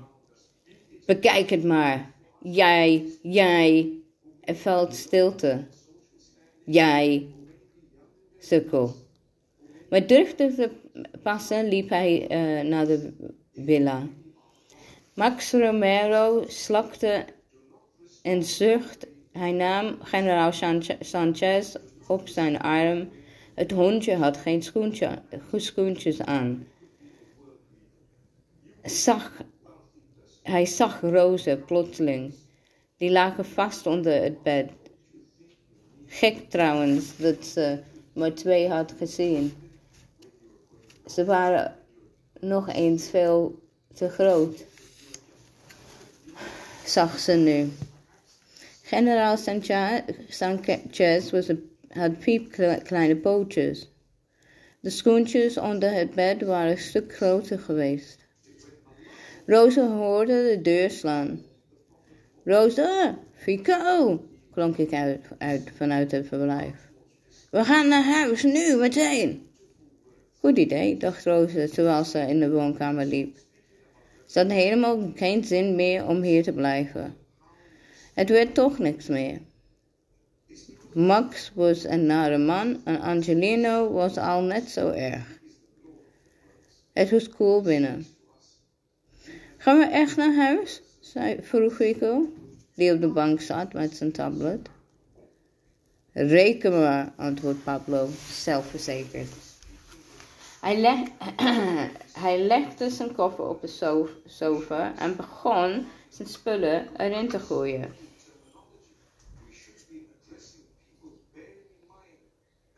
Toen werd er aan de deur geklopt. Ga weg, riep Pablo. Ik ga weg, ik meen het, ik ga echt. Het spijt me, klonk de, het, uh, klonk de stem van de andere kant van de deur. Rosa was verbaasd. Keek verbaasd naar de deur. Dat was, was dat Max Romero? Geef me alsjeblieft nog een kans. Pablo Fernando marcheerde naar de deur en trok hem woest open. We zijn klaar. Ik praat niet meer met jou. Sorry, zei Max. Het was een geintje. Ik ben te ver gegaan. Hij stak zijn hand uit. Pablo keek hem noors aan. Dan heb je pech. Want ik ga naar huis. Je krijgt je eilanden terug, zei Max. Hoe bedoel je? vroeg hij verbaasd. Hoofdstuk 10 Contrabaas Zoals ik zeg, je hebt gelijk, die eilanden zijn eigenlijk van jou. Dat is al sinds, zo sinds de tijdperk van de dinosaurussen. Ik wil ze teruggeven. Pablo kijkt Max argwant aan. Ik hoef er niks voor terug. Als je blijft tekenen, als je blijft, tekenen we morgen op uh, en maken we het Vredesdag. Ik wil vrienden worden. Rosa kon haar oren niet geloven. Was dit Max Romero, die verschrikkelijke gemene dictator, die alleen maar aan zichzelf dacht? Dan kon dat kon Hans niet. Pablo's gezicht klaarde op. Meen je dat echt? Natuurlijk, zei Max. Ik zat maar wat te dollen. Hij stak zijn hand uit. Vrede? Pablo greep die hand. Vrede, antwoordde hij. Max Romero glimlachte. Fijn, dan zie ik je zo bij de lunch. Zag je dat? riep Pablo toen hij weer alleen was met zijn kinderen. Mijn slimme trucjes werken echt. Lengte maakt geen fluit uit. Hij wreef zijn handen. Dr. Rubio had gelijk. Als je maar aardig doet, krijg je mensen vanzelf in je macht. Zo aardig deed je niet, zei, Roze. Je noemde hem een kool. Ik was gewoon duidelijk, zei haar vader. Eindelijk weet Max wie de baas is. Geef maar toe, ik heb gezag. Waarom zou jij nou ineens die eilanden willen teruggeven, vroeg Roze. Volgens mij is hij iets van plan. Wat ben je toch, toch een, een zwaardkijker, riep Pablo. Kijk nou eens wat je vader voor elkaar krijgt. Hij is iets van plan, herhaalde Rosa. Onzin. Ik heb gewoon. Ik, onzin, ik heb gewonnen. Geef maar toe, mijn geheim wapen heeft gewerkt. Rosa schudde haar hoofd en liep terug naar de stoel, op de balkon. Er klopte iets niet. Ze keek over de bal, uh, balustrade naar beneden. De terras waren bedienden aan tafel, de tafel aan het dekken voor de lunch. De muzikanten pakten hun instrumenten uit. Ze pijnig naar haar, uh, ze pijndig, pijnigde haar hersens. Waar was Max mee bezig?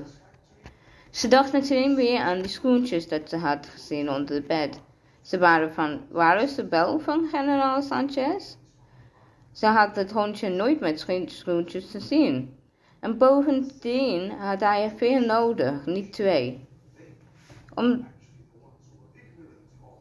omdat de bed, had alleen maar die twee naast elkaar gelegen. Als ze generaal Sanchez waren, als ze niet van generaal Sanchez waren, van wie waren ze dan? Ze dacht aan het geluid dat ze in de badkamer hoorde. Daar heb je toch iemand gezeten toen ik in de kamer doorzocht. Had Max stiekem een spion meegenomen? Dan moest dan iemand die zich wel heel goed kan versoepen. Misschien een piepklein mannetje of vrouwtje. De kleinste mens ter wereld was rond 60 centimeter lang. Hadden ze, hadden ze, ooit, eens, had ze ooit eens gelezen. Die pees, die paste makkelijk bij het in de koffer in de door, en door het kleine raampje. Roze tuurde over de zee. Nee, dat was onmogelijk. Toen ze op het eiland kwam, was hun bagage grondig gecontroleerd. Dario had alle koffers, door, had alle koffers doorgezocht. In de verte kwam een bootje van de kustwacht voorbij. Dit was misschien wel de best bewaakte eiland ter wereld. De kans dat een spion zal hier stiekem naartoe wordt gevaren of gevlogen was klein.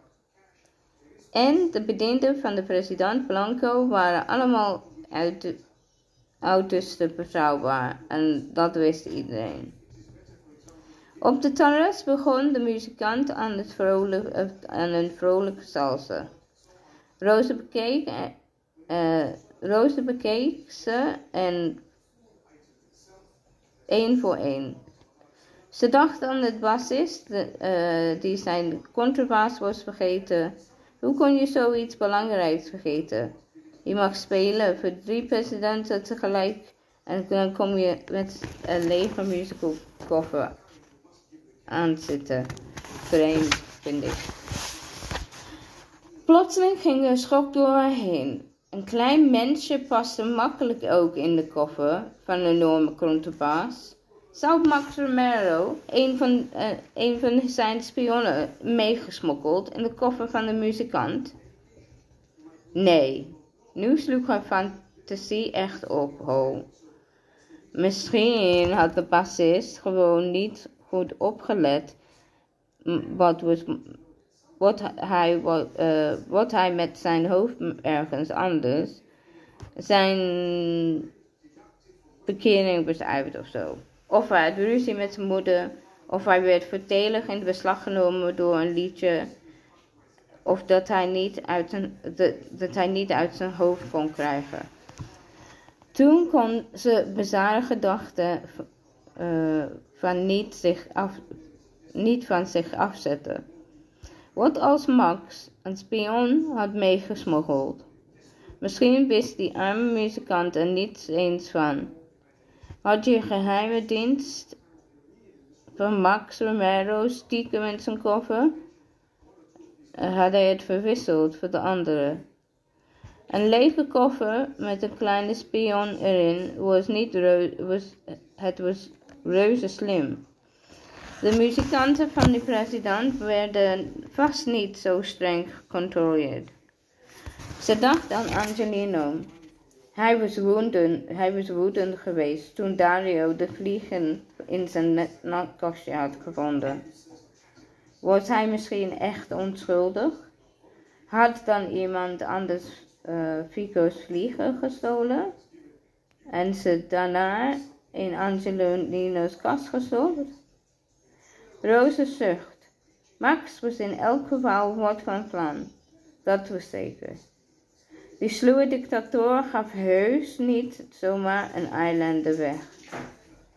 Kennelijk wilde hij, dat ze, uh, dat, wilde hij per se dat ze houden blijven, zodat hij een van de gemene plan kan uitvoeren. Hoofdstuk L Agent XXS Max was teruggegaan naar zijn slaapkamer en had de deur op slot gedaan. Hij zat in een gemakkelijke stoel met, met General Sanchez op schoot. Zijn lange vingers woedelden onrustig langs de grote harige oren van zijn hond. De president kuchte en begon toen een liedje te fluiten. Twinkle, twinkle, kleine ster.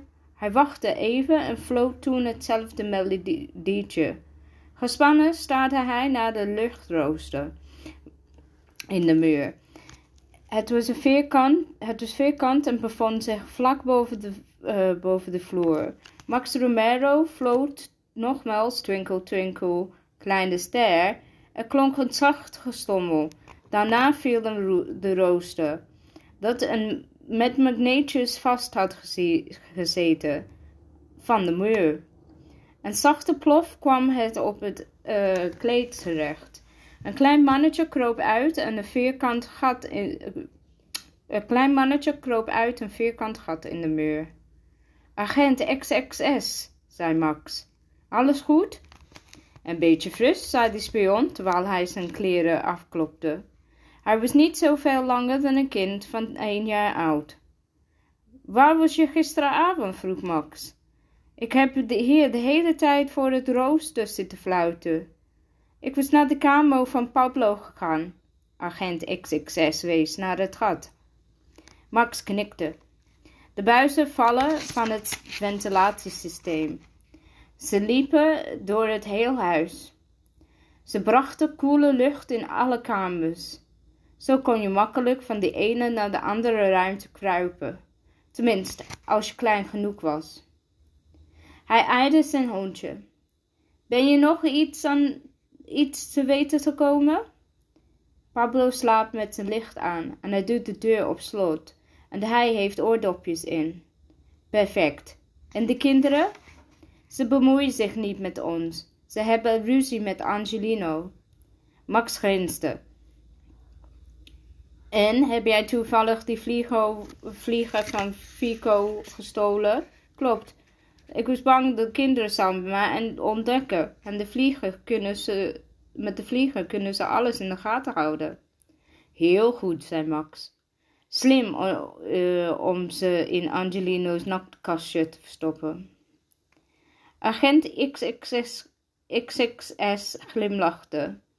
Verlegen. Hij had een grote snoer en in de haren waren een paar dikke grote stofvlokken blijven hangen. Zolang de kinderen ruzie maken, houden ze niet bezig met ons. Dat heb je wel goed opgelost. Dank u wel, grote briljant uh, president.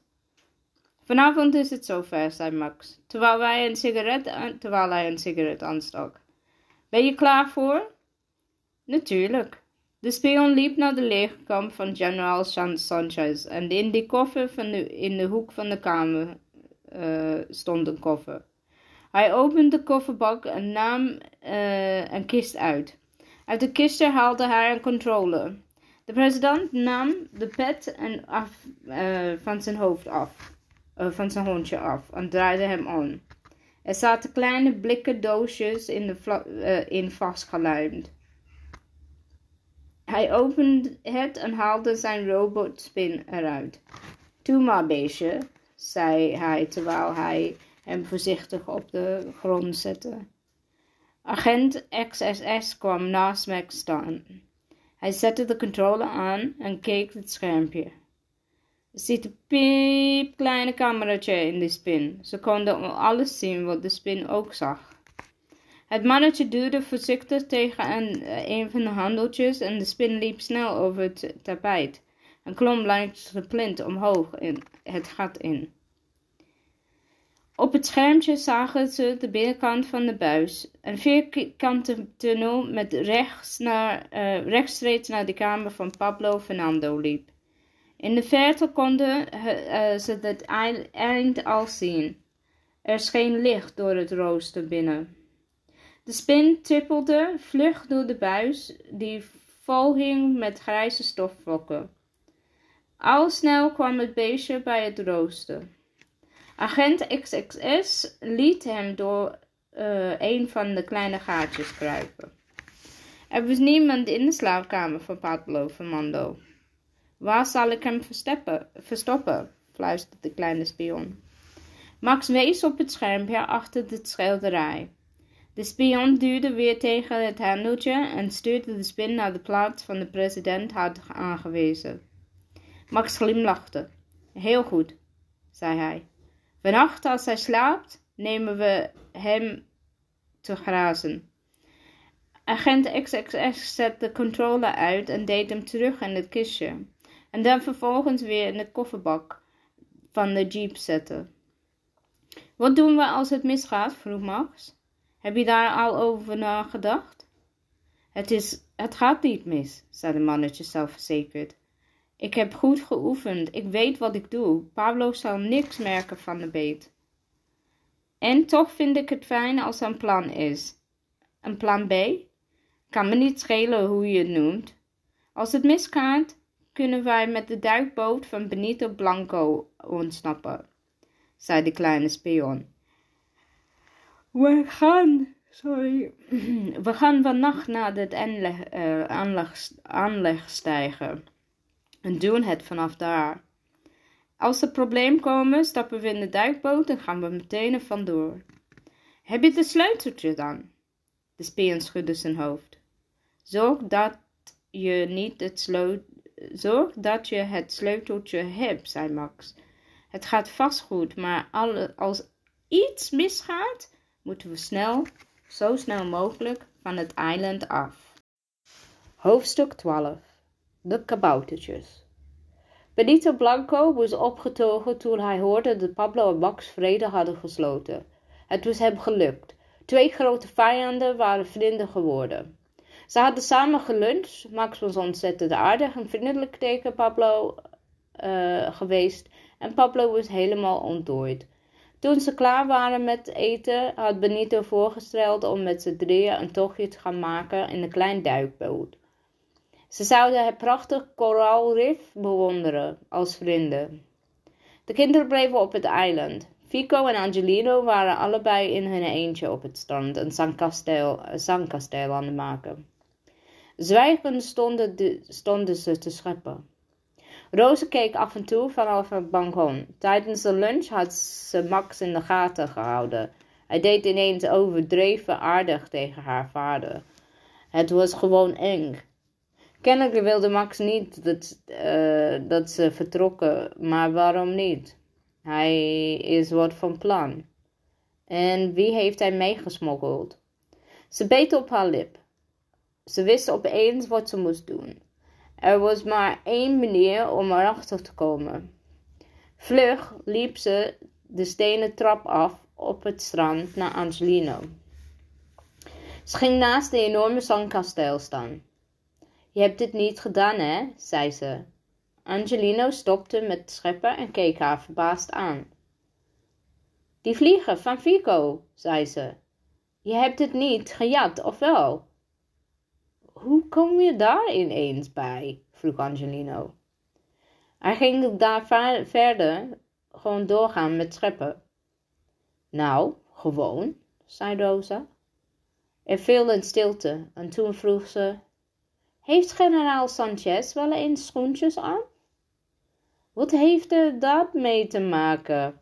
Rosa vertelt hem over de kleine schoentjes, schoentjes dat ze hadden gezien toen ze in de slaapkamer van zijn vader was. Ben jij in mijn vaders slaapkamer geweest? riep Angelino. Hij zette de schep op de grond, veegde de zweet van zijn voorhoofd en keek kwaad aan. Sorry, zei Rosa. En nu denk ik zeker dat mijn vader heeft het gedaan. Nu denk je het zeker dat mijn vader heeft het gedaan, vroeg Angelino uh, grimmig. Roos schudde haar hoofd. Je hebt mijn vraag nog niet beantwoord. Welke vraag? Of generaal Sanchez wel schoentjes aan heeft? Angelino zuchtte, pakte die schep en begon weer te graven. Nee, hoezo? Nou, ik zag dus, die, uh, dus van de schoentjes op je vaders slaapkamer. Ze waren super klein. Rosa hield haar wijsvinger een eindje uit elkaar om te aangeven hoe groot ze ongeveer waren. Angelino stopte met scheppen en keek haar ongelooflijk aan. Denk je dat kaboutertjes hebben het gedaan? Nee, maar misschien. Ze begon zacht te praten. Misschien heeft je vader de spion meegesmokkeld. En toen fluisterde, toen fluisterde ze. Ik hoorde geluiden in de badkamer. Angelino begon te lachen. Je hoorde een dwerg in de badkamer. Een klein iemand, zei Rosa. Als je klein bent, ben je niet meteen een dwerg. En hoe had mijn vader dat moeten doen? Wil, uh, wilde Angelino wel weten. Dario heeft ons bagage gecontroleerd. In de koffer van de contrabas, zei Rosa. Angelino begon keihard te lachen. Volgens mij heb jij veel te veel films gezien. En wie zijn die kleine schoentjes dan?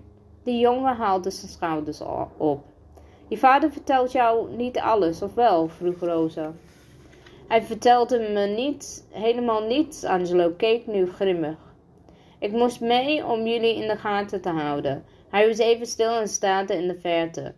Hij heeft alleen maar uh, een oog voor de stomme hond. Volgens mij houdt hij niet meer van, hij houdt hij meer van zijn hond dan van mij.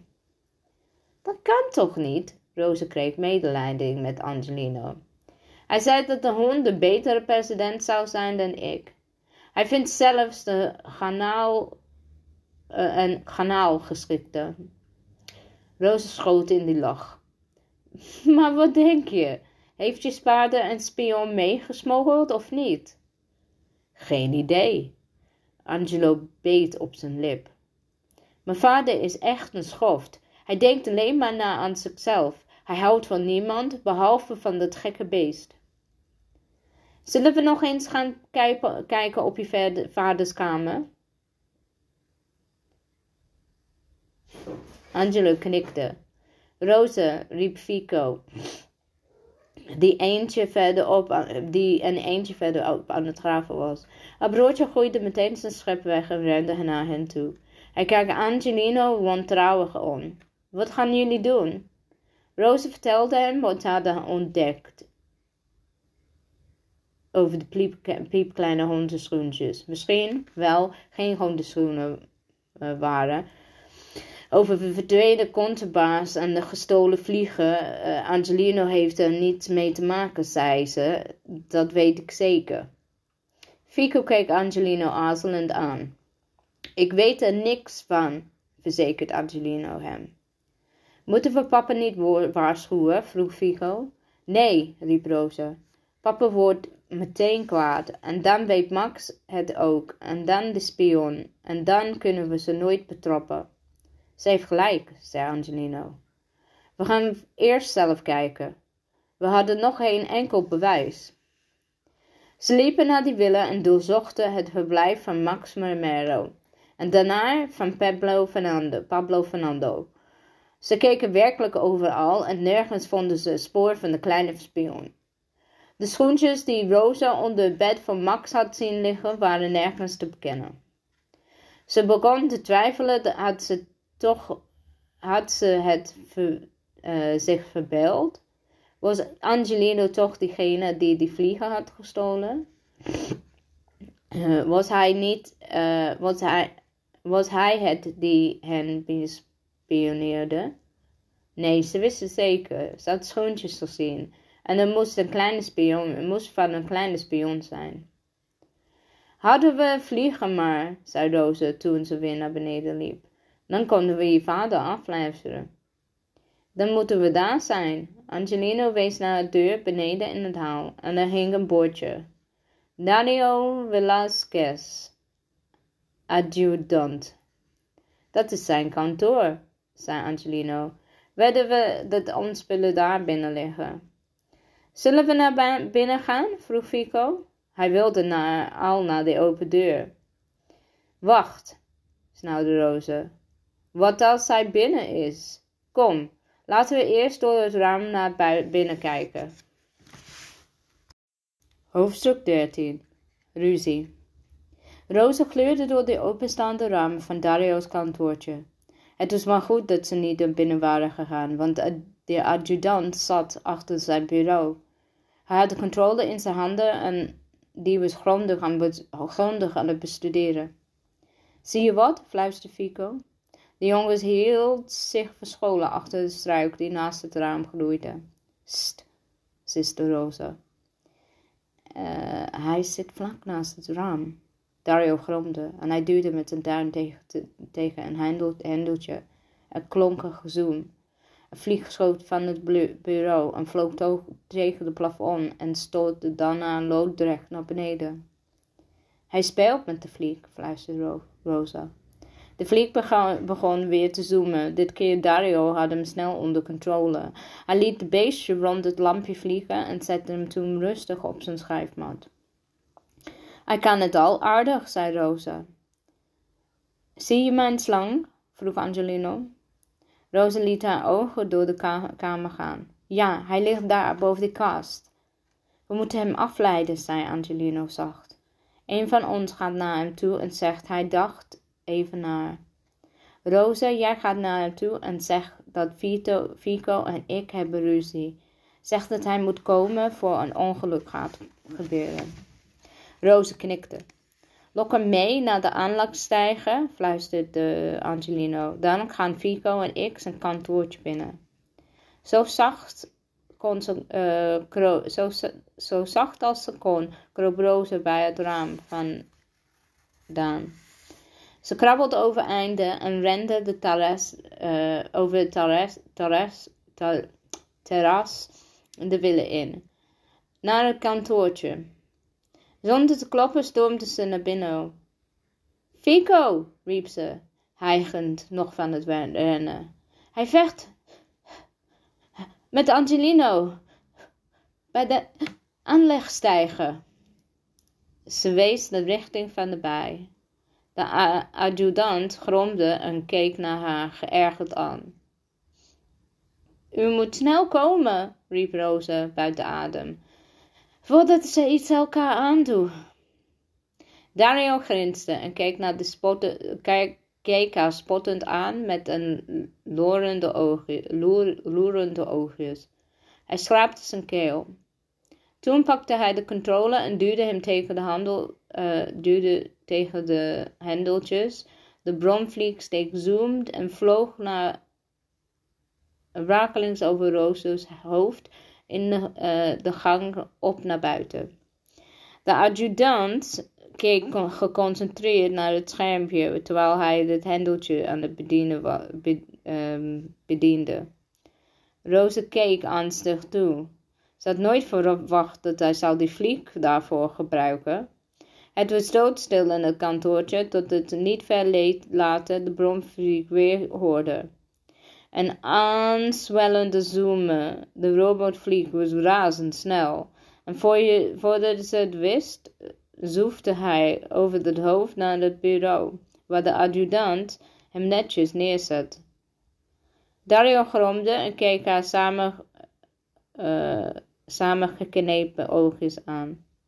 Bij de aanlegstijger hebben wij niemand gezien.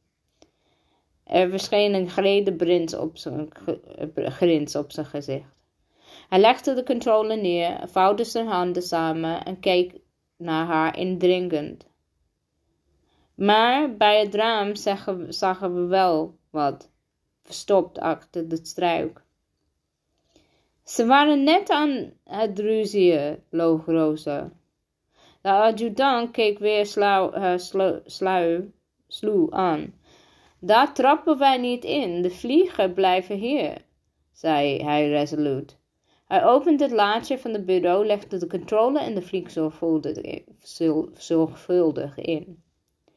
Daarna schoof hij uh, het dicht en draaide hij het slot om en stak het sleuteltje in zijn zak. Dag Roze. Roze verliet het kantoortje. Op het terras kwam Fico Angelino tegen. Hij handt ons door, zei ze. We hebben geen schijn van kans. Vanaf nu let hij extra goed op. We proberen het vanavond nog eens te doen, zei Angelino. We houden hem goed in de gaten. Als hij maar dan even weggaat, grijpen we de kans. Die avond organiseerde president, president Blanco een feestje op het strand. Hij liet een groot vuur maken. De muzikanten speelden vrolijke muziek en bedienden, ging, bedienden gingen rond met hapjes en drankjes van de, de, kok had uh, en de kok had eten klaar op de barbecue. Het was donker geworden en er was een prachtige sterrenhemel tevoorschijn te komen. De lucht was zo helder dat je Mars en Jupiter met de blote ogen kon zien, als je wist waar je, je moest kijken.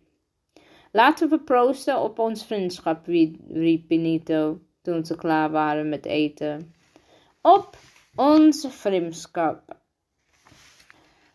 uh, riepen Max en Pablo in koor. Roze vond het nog steeds raar. raar. Jaren hadden ze ruzie gehad, zelfs konden ze elkaar niet uitstaan. Pas toen haar vader gedreigd was om te vertrekken, draaide Max bij. Waarom? Wat was hij van plan? Ze had nog een nacht om erachter te komen. Ze keek naar Dario. Hij zat op een broomstonk, een boomstonk en poorde met een stok in het vuur. Misschien was dit hun kans. Ik, uh, ik ga naar bed, zei ze. Nu al? riep de vader. Hij keek op zijn horloge. Maar het is net maar half negen. Oh, ik ben zo moe, antwoordde ze. Ik ook, zei Angelino. Dario, riep Benito, breng de kinderen terug naar hun verblijf. De adjudant keek Rosa achterdochtig aan, maar stond gehoorzaam in de, eh, en bracht de kinderen zonder iets te zeggen naar hun verblijf. Vlak voordat Rosa de deur achter zich dicht trok, keek hij haar nog even strak aan met de zwarte oogjes en grinste. Wat een Ingrid, fluisterde uh, Rosa. Ze wachtte even tot Dario weg was en opende de deur. Toen Angelino stond al op de overloop. Hij gleurde over de trapleiding naar beneden. Rosa en Fico liepen snel naar hem toe. Het was stil in de villa. De bedienden waren op het strand bij de presidenten. Volgens mij zit er hier nog eentje, fluisterde Angelino. De deur van het kantoortje stond op een keer en er brandde een licht. Hij heeft ons door, zei Rosa. Hij blijft daar heus niet de hele nacht, zei Fico. We wachten tot iedereen slaapt. Hun, wist, hun wistje, uh, wisten de telefoon uit zijn broekzak. Wat is jullie nummer? vroeg hij. Dan houden we, houden we contact. Hoofdstuk 14 De kleine spion Het was middernacht toen de president eindelijk weer naar bed ging. Roos en Pico waren al die tijd wakker gebleven. Slapen konden ze niet. Ze hadden berichtjes naar Angelo gestuurd en hij stuurde berichtjes terug. Moppen, raadsels, gekke verhalen.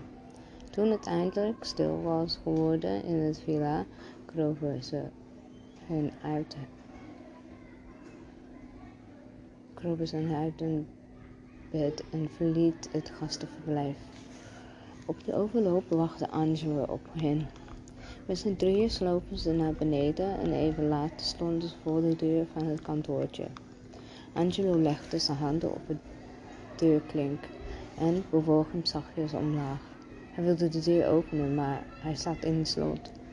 Het was vast. Dat was te verwachten, fluisterde hij teleurgesteld. Rosa haalde twee heilspelden uit haar zak. Wacht maar, zei ze. Angelo keek naar haar verbaasd aan. Kun jij daarmee die ding open krijgen? Ik hoop het, zei ze. Het lukt met alle sloten, maar, thuis in het paleis krijg ik ze allemaal open.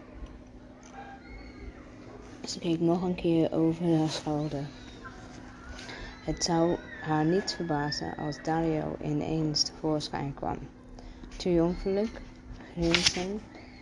Toen brak ze de spel door het midden en boog het eind van het ene deel met de rechthoek. Met bonzende hart schoof ze hem onder in het slot. Daarna ze de andere spel erboven en begon rustig te morrelen. Lukt het? Wacht, Angelo, even wachten. Ze bewoog het speld langzaam heen en weer, tot ze sneller dan had verwacht. En zachte klik hoorde. De deur ging open. Wauw, fluisterde Angelino. Hij deed een lichtje aan zijn, van telefoon en ging een kantoortje binnen, waar Roos en Fico volgden hem. De slang lag nog altijd op de kast. Angelo pakte hem vlug. De controller stopte hij in zijn zak. Rosa en Fico slopen naar het bureau waar Dario de vlieger had opgeborgen. Fico scheen met zijn telefoon terwijl Rosa met haar speld van de slot van het laadje probeerde open te maken. Ondertussen liep Angelo terug de uh, naar de deur en keek. Hoi.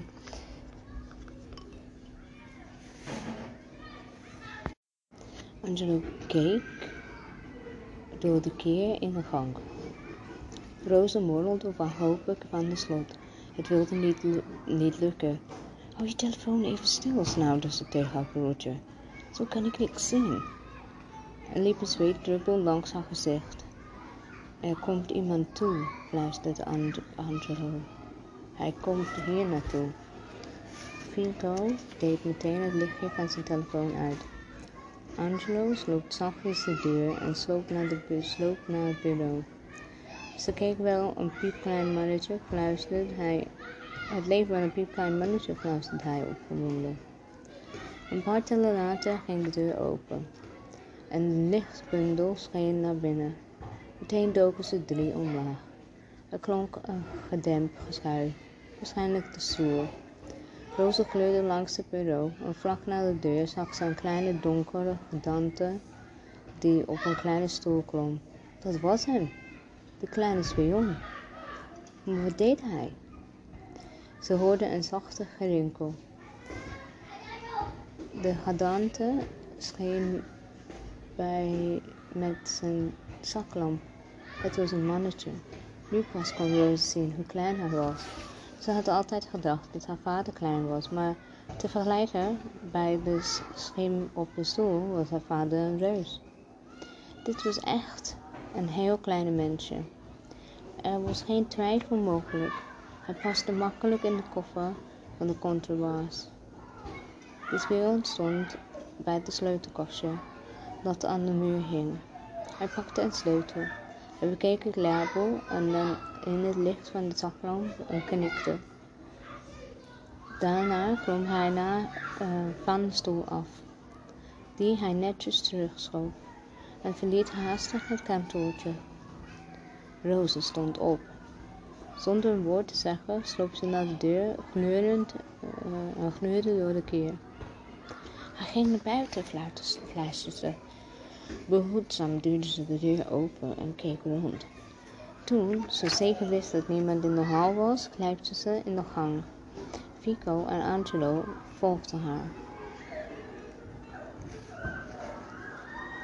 Ze liepen naar buiten op het terras en uh, een eindje verderop zagen ze een zwaaiende lichtbundel.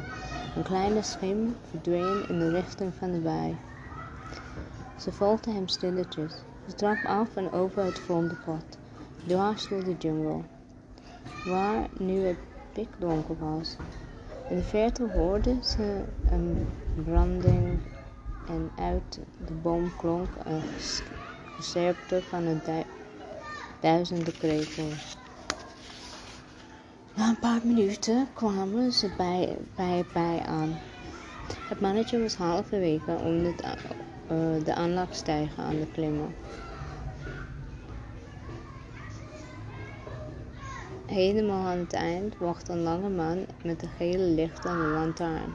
Naast hem stond een kleine lege jeep. Dat is je vader, met zijn hondje, fluisterde Rosa. Angelo knikte. Hij sprong, de vlonde, uh, van de vlonderpad en plof, een dofte plof, doffe plof landde hij in het zand van het kleine strandje. Daarna rende hij naar de bosrand en verschool tussen de strijpen. Rosa en Fico volgden hem ook. Vanaf hier hadden ze goed gezicht op het strandje, de bij en het aandachtstijger. De kleine schim was inmiddels bij Max aangekomen. Hij saluteerde eerst Max en dan toen naar het hondje en de piepkleine Roze jeep, uh, in de jeepje. Daarna begon ze te praten. Roze spitste oren, maar ze waren nog te ver weg om iets te, van het gesprek te volgen. Je slang, fluistert ze tegen Angelo. Stuur hem naartoe. Angelo haalde de controle uit zijn zak en zette hem aan. De lichtjes knipperden. Binnen een paar tellen verscheen een bel op de bel uh, van het schermpje. Angelo legde de slang op de grond en duwde hem voorzichtig tegen de hedeltjes aan. Het ding kwam in beweging. Kronkelend kroop over het strand om daarna zachtjes in het water te glijden. Angelino liet hem langs het aanstijgen zwemmen. Is het gelukt? zei de donkere stem. Dat was Max Romero. Ik heb de sleutel van de duikboot, zei het mannetje. Als het misgaat, kunnen we weg. Laten we dan beginnen. De kleine spion bucht en haalde iets uit zijn kofferbak. Het was een klein apparaatje. Hij toetste iets in en liet het aan Max zien. Wat heeft hij daar? vroeg Rosa. Het lijkt wel een controller, zei Angelino. Waarvan? Angelino haalde zijn schouders op. Ik heb geen idee, mompelde hij. Ik weet, wie, ik weet hier niets van. Max en de mannetje staarden naar het apparaatje. Een blauwe gloed vliegt hun gezicht. Laat, me, laat hem maar lopen, hoorde ze Max zeggen. Hij was even stil tot de Max riep. Pas op, hij wordt wakker. Ga even naar de wc, antwoordde het mannetje. Wat als jij hem ziet? Dat maakt toch niet uit? Hij heeft vast wel vaker een spin gezien. Misschien krijgt hij wel argon. Wel nee, hij slaapt nog half. Hij ziet heus wel dat het een robotspin is. Roze luistert ademloos. Een robotspin? Wat waren ze van plan? Kijk, daar is hij alweer, zei het mannetje. Hij slaapt nog half. Hij heeft niets in de gaten. Zie, zie je? Hij kruipt meteen weer in zijn bed. Ik ga, hey, ik ga verder. Laten we nog een half uurtje wachten, zei Max. Ik wil zeker weten dat hij in diepe slaap is. Nergens voor nodig, zegt de kleine spion zelfverzekerd. Zodra de Pablo zijn ogen sluit, is hij meteen vertrokken. Let, let maar op. Misschien wordt hij wakker als je, als je hem bijt. Want die beet voelt hij niet. Hij merkt het pas morgen als de gif gaat werken. Maar dan zijn we al lang weer thuis. Het was alvast Rover een klap in haar gezicht kreeg. Wilde ze haar vader vermoorden met een giftige robotspin? Ze duizelde haar. Het, dat was de reden waarom Max zo intens aardig deed. Daarom wilde hij niet, naar vader, niet haar vader wegging. Ze keek Vico en Angelino aan. Ook waren ze duidelijk geschrokken. Ga snel naar je vader wakker maken, zei Angelino tegen Rosa. Dan leidden we ze af. Rosa aarzelde geen moment. Ze stond op en zo snel als ze kan langs de bosrand. Vlug klauterde ze op de houten vlonderpad en begon in de richting van de villa Hoofdstuk 15 De oordopjes Angelino deed vlug de controle van de slang in, in zijn broekzak en rende samen met Fico over het strandje naar de aanlegstijger.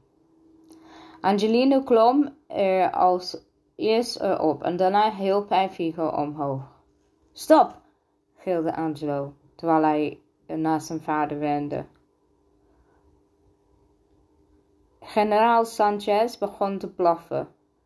Max en de kleine spion keken allebei tegelijk, uh, tegelijkertijd aan. Wat zullen we hier doen? snauwde Max. Hij keek zijn zoon woest aan. Dat wou ik aan jou vragen, riep Angelino. Wat doe jij hier? Dat gaat je niks aan, siste zijn vader kwaad. Dit is tussen mij en Pablo, de, tussen Pablo en mij. Het mannetje was ondertussen naar de duikboot gerend. Hij had de koppel, koepel geopend en was erin gaan zitten. Fico wilde achter hem aanrennen, maar Max was sneller. Hier blijven, riep hij. Hij greep de jongen bij zijn arm en daarna pakte hij Angelino met zijn andere hand. Je kunt Pablo niet zomaar vermoorden, riep Angelino kwaad. Moet jij eens opletten, antwoordde zijn vader. De kleine spion startte de motor. De uh, duikboot begon te zoomen. Fico trok en ruchtte en schopte woest in, uh, van zich af. Maar Max hield hem stevig vast. Je kunt niets meer doen. Hij lachte vals. Mijn geheime agent heeft de controle en nu zit hij in de duikboot. Ze zullen je arresteren, riep Fico. Je komt hier niet mee weg. Oh, jawel hoor, zei Max rustig. En toen duwde hij Fico in het water. En jij gaat mee met mij, snauwde hij tegen zijn zoon. Hij trok Angelino met zich mee naar de duikboot. Angelino stribbelde tegen. Hij stompte, hij sloeg en hij duwde met, uh, maar het hielp niet. De jeep met de hondje kwam zoemende achter hen aan. Die volgde gehoorzaam de zender van Max, die bij zich droeg. Op dat moment kreeg Angelino een idee. Vlug wormde hij zijn hand in zijn vaders broekzak. Met zijn lange dunne vingers woelde hij uh, diep in de zak. Al snel vond hij de zender en trok hem omhoog. Hebbes! Daarna gooide hij hem in de richting van de water. Het autootje reageerde meteen. Het volgde de zender. En die met, een boog, die met een boog door de lucht zeilde en in de bij plonste. De jeep race over het aanlegstijger recht op het water af. Wat doe je nu? gilde Max. Van schrik, hij liet zijn zoon los om achter zijn hondje te gaan rennen. Maar hij was te laat. Met volle vaart dook de jeep in het water en hij zonk meteen. Generaal Santos, die zit vast in zijn auto, blaft angstig. Idioot, gilde Max, terwijl hij, in het water sprong. Angeline draaide zich om en rende naar de duikboot. Maar de kleine spion was te snel, om, uh, snel af. Hij sloot, de vloek, uh, hij sloot vlug de koepeldak en gaf vol gas en stuurde de onderzeeër naar de midden van de baai. Angelino viste de controle van zijn slang uit, uit zijn broekzak en legde hem op het aanlegstijger. Daarna dook hij in het water en zwom Daarna dook hij in het water en zwom de duikboot achterna. Rosa was in de hal van de villa aangekomen. Zou ze Dario waarschuwen of Benito? Nee, dat duurde te lang. Ze wisten niet eens waar hun slaapkamers waren. Ze moest haar vader zo snel mogelijk wakker maken. Hijgend holde ze de trap op. Ze stormde hun verblijf binnen en rende zo snel mogelijk dat ze kon naar haar vaders slaapkamer. Ze probeerde de deur te openen, maar de deur slaat op slot. Ze begon te bonken en te roepen tot ze, de tot ze bedacht dat haar vader oordopjes in had. Kortachtig dacht ze naar. Het raam. Misschien stond het raam open. Ze holde de woonkamerdeur en opende de deur naar het balkon. Struikelend kwam ze naar buiten. Ze rende meteen naar het raam, maar dat zat dicht. Ze keek in de slaapkamer. Het licht was aan. Ze zag haar vader in een grote hemelbad liggen. Hij lag op zijn rug met zijn mond wijd open. Haar ogen gingen zoekend door de kamer. Waar was de spin? Was het te laat? Had hij, had hij haar vader al gebeten en, en dat hij alweer weg? En toen zag ze hem ineens, vlak bij de grote schilderij. Het zweet brak haar, uh, brak haar uit. Dat was hem. De giftige robotspin van Max. Maar waarom zat hij daar nou zo stil? Hadden Fico en Angelino Max en de kleine, kleine spion kunnen tegenhouden? Ze wilden geen risico nemen. Straks begon die ding weer te lopen. Woest bonkte ze op het raam, maar wist dat het toch geen zin had. Haar vader hoorde toch niks. Met zijn oordopjes liep hij de, uh, overal doorheen. Zelfs door zijn eigen gesnurk. Vlug keek ze om. Misschien kon ze het raam inslaan. Ze pakte een stoel en beugde tegen de glas. glas. Er verscheen baarste, maar geen brak niet. Rosa voelde zweetdruppels op haar voorhoofd. Angstig keek ze naar de spin. Hij zat nog steeds stil op de muur. Weer sloeg ze met de stoel tegen het raam. Zonder resultaat. Hoofdstuk 16 De duikboot Angelino zwom achter in de duikboot aan. Hij wist, niet, hij wist dat hij, uh, het niet veel zin had. De onderzeeër kon ieder moment onderduiken en dan was hij hem kwijt. Toch zwom hij stevig door. Hé, wat was dat?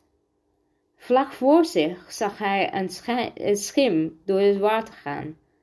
De schaduw bewoog snel in de richting van de duikboot. Was het Fico? Nee, het was zijn vader met generaal Sanchez. Angelino begon nog sneller te zwemmen. Golven spoelden over hem heen. De zoute zeewater prikte zijn ogen. Zijn kleren voelden zwaar, maar hij was er bijna. Zijn vader had de duikboot bereikt, zag hij nu. De kleine spion opende de koepel en Max zette generaal Sanchez erin. Daarna hees hij zichzelf langzaam op uit het water. Angelino zwom de last slagen met een uiterste krachtinspanning. Hij kon zijn vader nog net grijpen. Hij hield hem stevig vast, maar Max schopte woest van zich af. Angelino kreeg een trap in zijn maag. Hij hapte naar adem en hij nam een grote slok zeewater in zijn mond. Hoestend en kokalsend probeerde hij de boven water te blijven. Zijn vader nog, een trapte nog een keer en toen moest hij wel loslaten. Angelina hoestte nog steeds en toen, toen Max in de kleine onderzeeër klom en de koepel sloot, er klonk een zacht gezoem. Bella borrelde uh, op terwijl de duikboot langzaam onder de water verdween. Goed gedaan, agent XS, zei Max tevreden. Dit scheelde niet veel. De kleine spion stuurde de duikboot in de richting van de zee. Het was pikdonker onder water, waardoor de langzaam moest varen. Zelfs met de uh, licht van de koplampen konden ze maar een paar meter vooruit kijken. Laat mij maar even sturen, zei Max. Dan kan jij je werk afmaken. Hij had generaal Sanchez op schoot genomen. Het hondje keek angstig om zich heen met bolle bruine oogjes. Ze wisselden van plaats. Agent XS pakte de controle. Met zijn vingers duwde hij tegen de hendeltjes om de spin weer in beweging te brengen. Niemand kan ons nu stoppen, zei Max tevreden. Hijgend stond Roze met de stoel in haar handen. Ze keek naar het raam. Het zat vol baarsten, maar hij was steeds niet gebroken. Haar vader sliep gewoon rustig door. Moesten toch Benito en Dario gaan waarschuwen? De spin zat nog in dezelfde eh, plek. Hij had zich altijd niet verroerd. Ze wilde de stoel juist neerzetten om hulp te gaan halen en toen, uh, toen het ding plotseling begon te lopen. Razendsnel rende ze over de muur in de richting van het bed waar haar vader lag te slapen. Roze schrok wezenloos. Ze hief de stoel en sloeg, sloeg nogmaals tegen het raam. En meteen daarna weer, en nog een keer. Ze haalde adem en beukte de stoel toen met haar laatste kracht tegen het glas. Dit keer brak het wel. De spin was bij de bed aangekomen. Haastig graaide Roze door het gat en ze sneden haar vinger. Hij bloed, maar ze voelde geen pijn.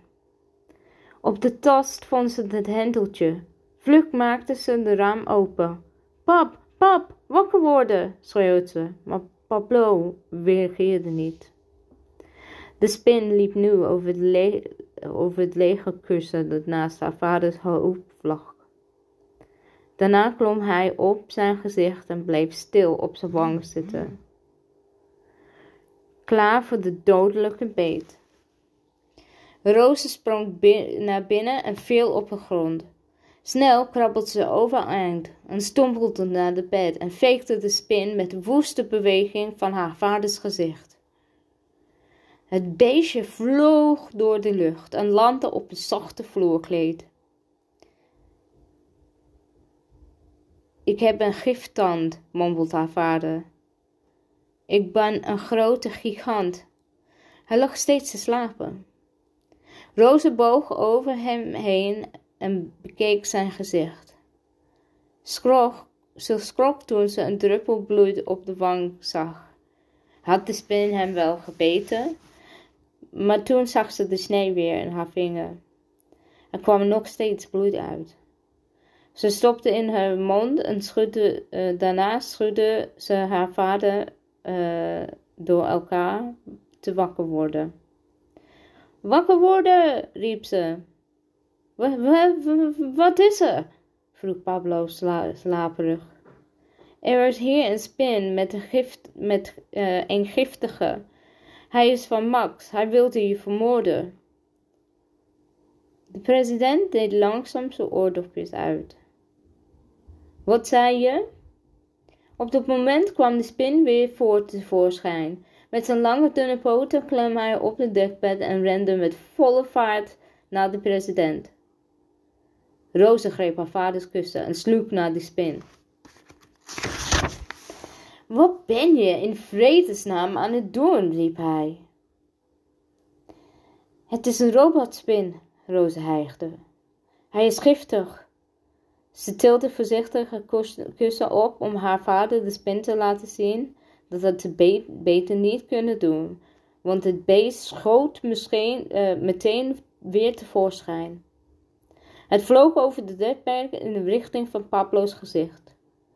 De president schreeuwde en veegde zijn hand uh, de spin weg. Weer vloog hij door de lucht en kwam zachte plof op de kleed uh, terecht. Roze rende erachteraan. De spin kwam moeizaam vooruit op het dikke tapijt. Ze probeerde hem te pletten onder haar voet. Mis. De spin waggelde over de vloer en zoek naar de, zoek, op zoek naar een schouwplaats. Ze probeerde nog eens, maar dit keer was het wraak.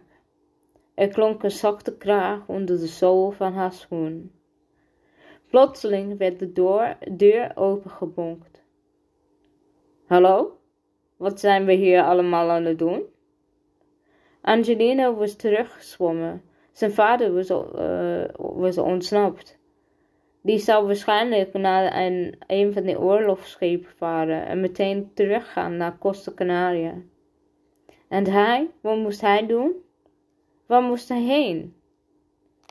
Langzaam hees hij zich uit het water en klom op, klom op het aanlegstijger.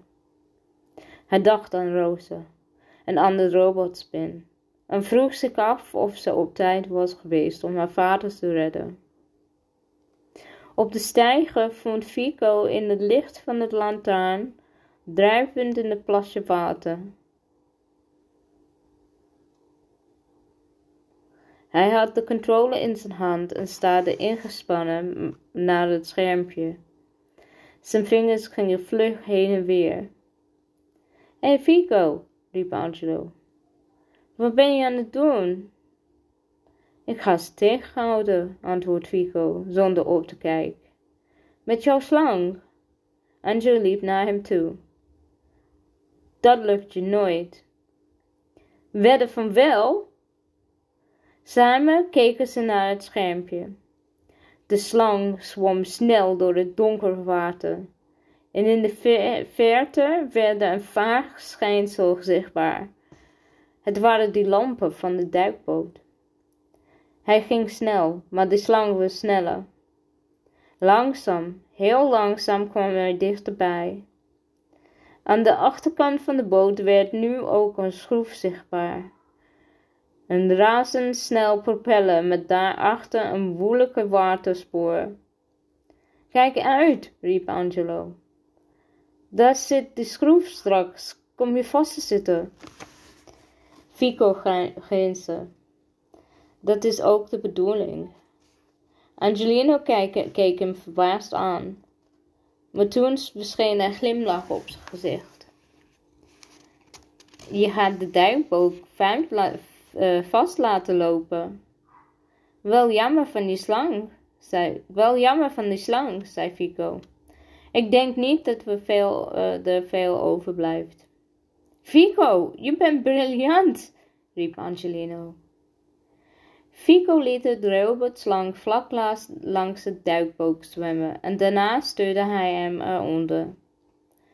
Even bevond de slang zich recht onder de donkere uh, buik van de boot, maar al gauw werd hij naar de schroef gezogen. Er klonk een keihard geratel, alsof iemand een robotslang door een gehakte molen probeert te duwen. Daarna een harde klop. En toen werd de bel zwart. Angelino sloeg een arm om Fico heen. Goed gedaan, Fico die komen niet ver meer. Op dat moment zagen ze de lichtjes in de verte. Schommende lichtbundels vanuit de eh, jungle kwamen dichterbij. Dat is vast Roze, zei Fico. Hij begon te rennen in de richting van het bos. Angelina holde achter hem aan. Bij het strand kwamen Rosa, uh, Rosa adjudant Dario Benito Blanco en Pablo Fernando tegen. Is alles goed? vroeg Vigo bezorgd. Rosa glimlachte. De spin heeft, niet pap, uh, heeft papa niet gebeten. En dat kan hij ook niet meer. Waar is Max? vroeg Benito.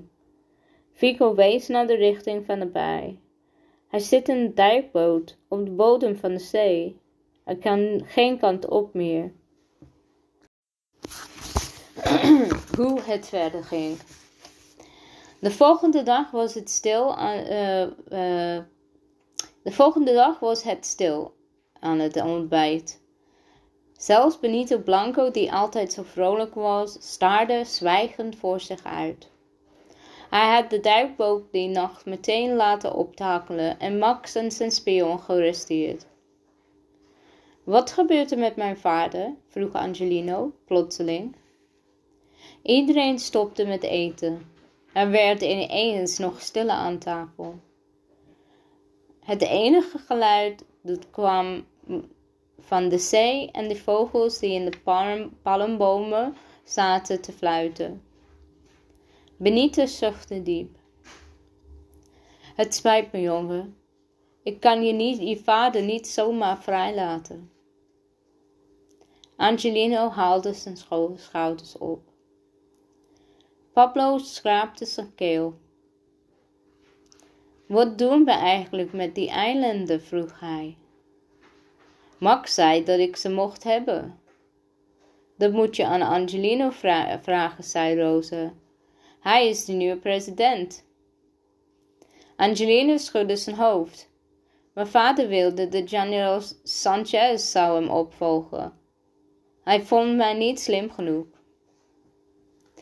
Iedereen keek nu naar de kleine Pekingese, die naast Angelo zat aan tafel. Dat kan toch niet? Een hond als president? Natuurlijk kan dat wel, zei Pablo. Hij keek de hondje aan en zei: President Sanchez, wat hebt u prachtige bruine ogen? Wat denkt u? Mag ik mijn eilanden terug? U heeft ze vast niet nodig. Het hondje begon te blaffen. Volgens mij zegt hij ja, zei Pablo. Volgens mij zegt hij dat je een slijmbol bent, zei Roze. Op dat moment ging Benito's telefoon. De president nam meteen op. Met Benito. Hij keek, keek ernstig. Klopt. Inderdaad. Ik heb hem gearresteerd. Ja, dat is waar. Dat lijkt me een goed idee. Hij keek Angelino aan. Het is je oom. Hij wil je spreken. Angelino stond op en liep naar president Blanco en nam de telefoon van hem over. Hoi, zei hij. Het was heel even stil. En toen zei hij: Ik? Echt waar? Wat moet ik dan doen? Iedereen aan tafel hield zijn, adem in. Oké, zei Angelino. Tot vanavond. Hij gaf de telefoon terug aan president Blanco. Wat zei je oom? vroeg Pablo. Dat ik de nieuwe president ben, zei Angelino. Mijn oom wil dat ik mijn vader opvolg. Hij gaat gelijk regelen. Hij keek Roze ongelooflijk aan. Is je oom niet boos? vroeg Roze. Benito heeft je toch je vader gearresteerd? Angelino schudde zijn hoofd. Ze zijn blij dat ze van, zijn van hem af. De hele familie als de dood van mijn vader. Hij is ontzettend gemeen. Benito Blanco glimlachte. Gefeliciteerd, jongen. Slimme keus van je oom, zei Pablo. Je bent een intelligente jongen, Angelino. Ik durf te wedden dat jij een reusachtige groot IQ hebt. Je bent in elk geval erg knap om te zien. Dat is prettig omdat je straks op alle biljetten staat. Ik vermoed dat je heel sterk bent en je kunt vast een hand, in één hand het nauwpaard optillen. Pap, zei Roze, waar slaat dat nou weer op? Hoezo? reageerde Pablo. Ik probeer aardig te zijn. Je krijgt je eilanden terug, Pablo, zei Angelino. Pablo grijnsde. En wat geef jij aan hem? vroeg Rosa. Haar vader keek haar vol verbazing aan. Hoe bedoel je? Hij heeft je leven gered. Er verscheen een frons op Pablo's voorhoofd. Volgens mij heb, jij mijn leven gered, zei hij. Zonder Angelino was het nooit gelukt. Tja, misschien kun je hem bedanken. Rosa keek haar vader strak aan. Ach ja, zei Pablo, waarom ook niet? Bedankt, jongen. Je zou hem ook zijn eilanden terug kunnen geven. Ben je gek? Ik vind dat het eigenlijk heel slimme plan, zei Benito. Jullie geven elkaar die eilanden terug als blijk van waardering. Als blijk, blijk van waardering. Pablo zuchtte. Vooral dan, zei hij. Maar de maan, die blijft van mij.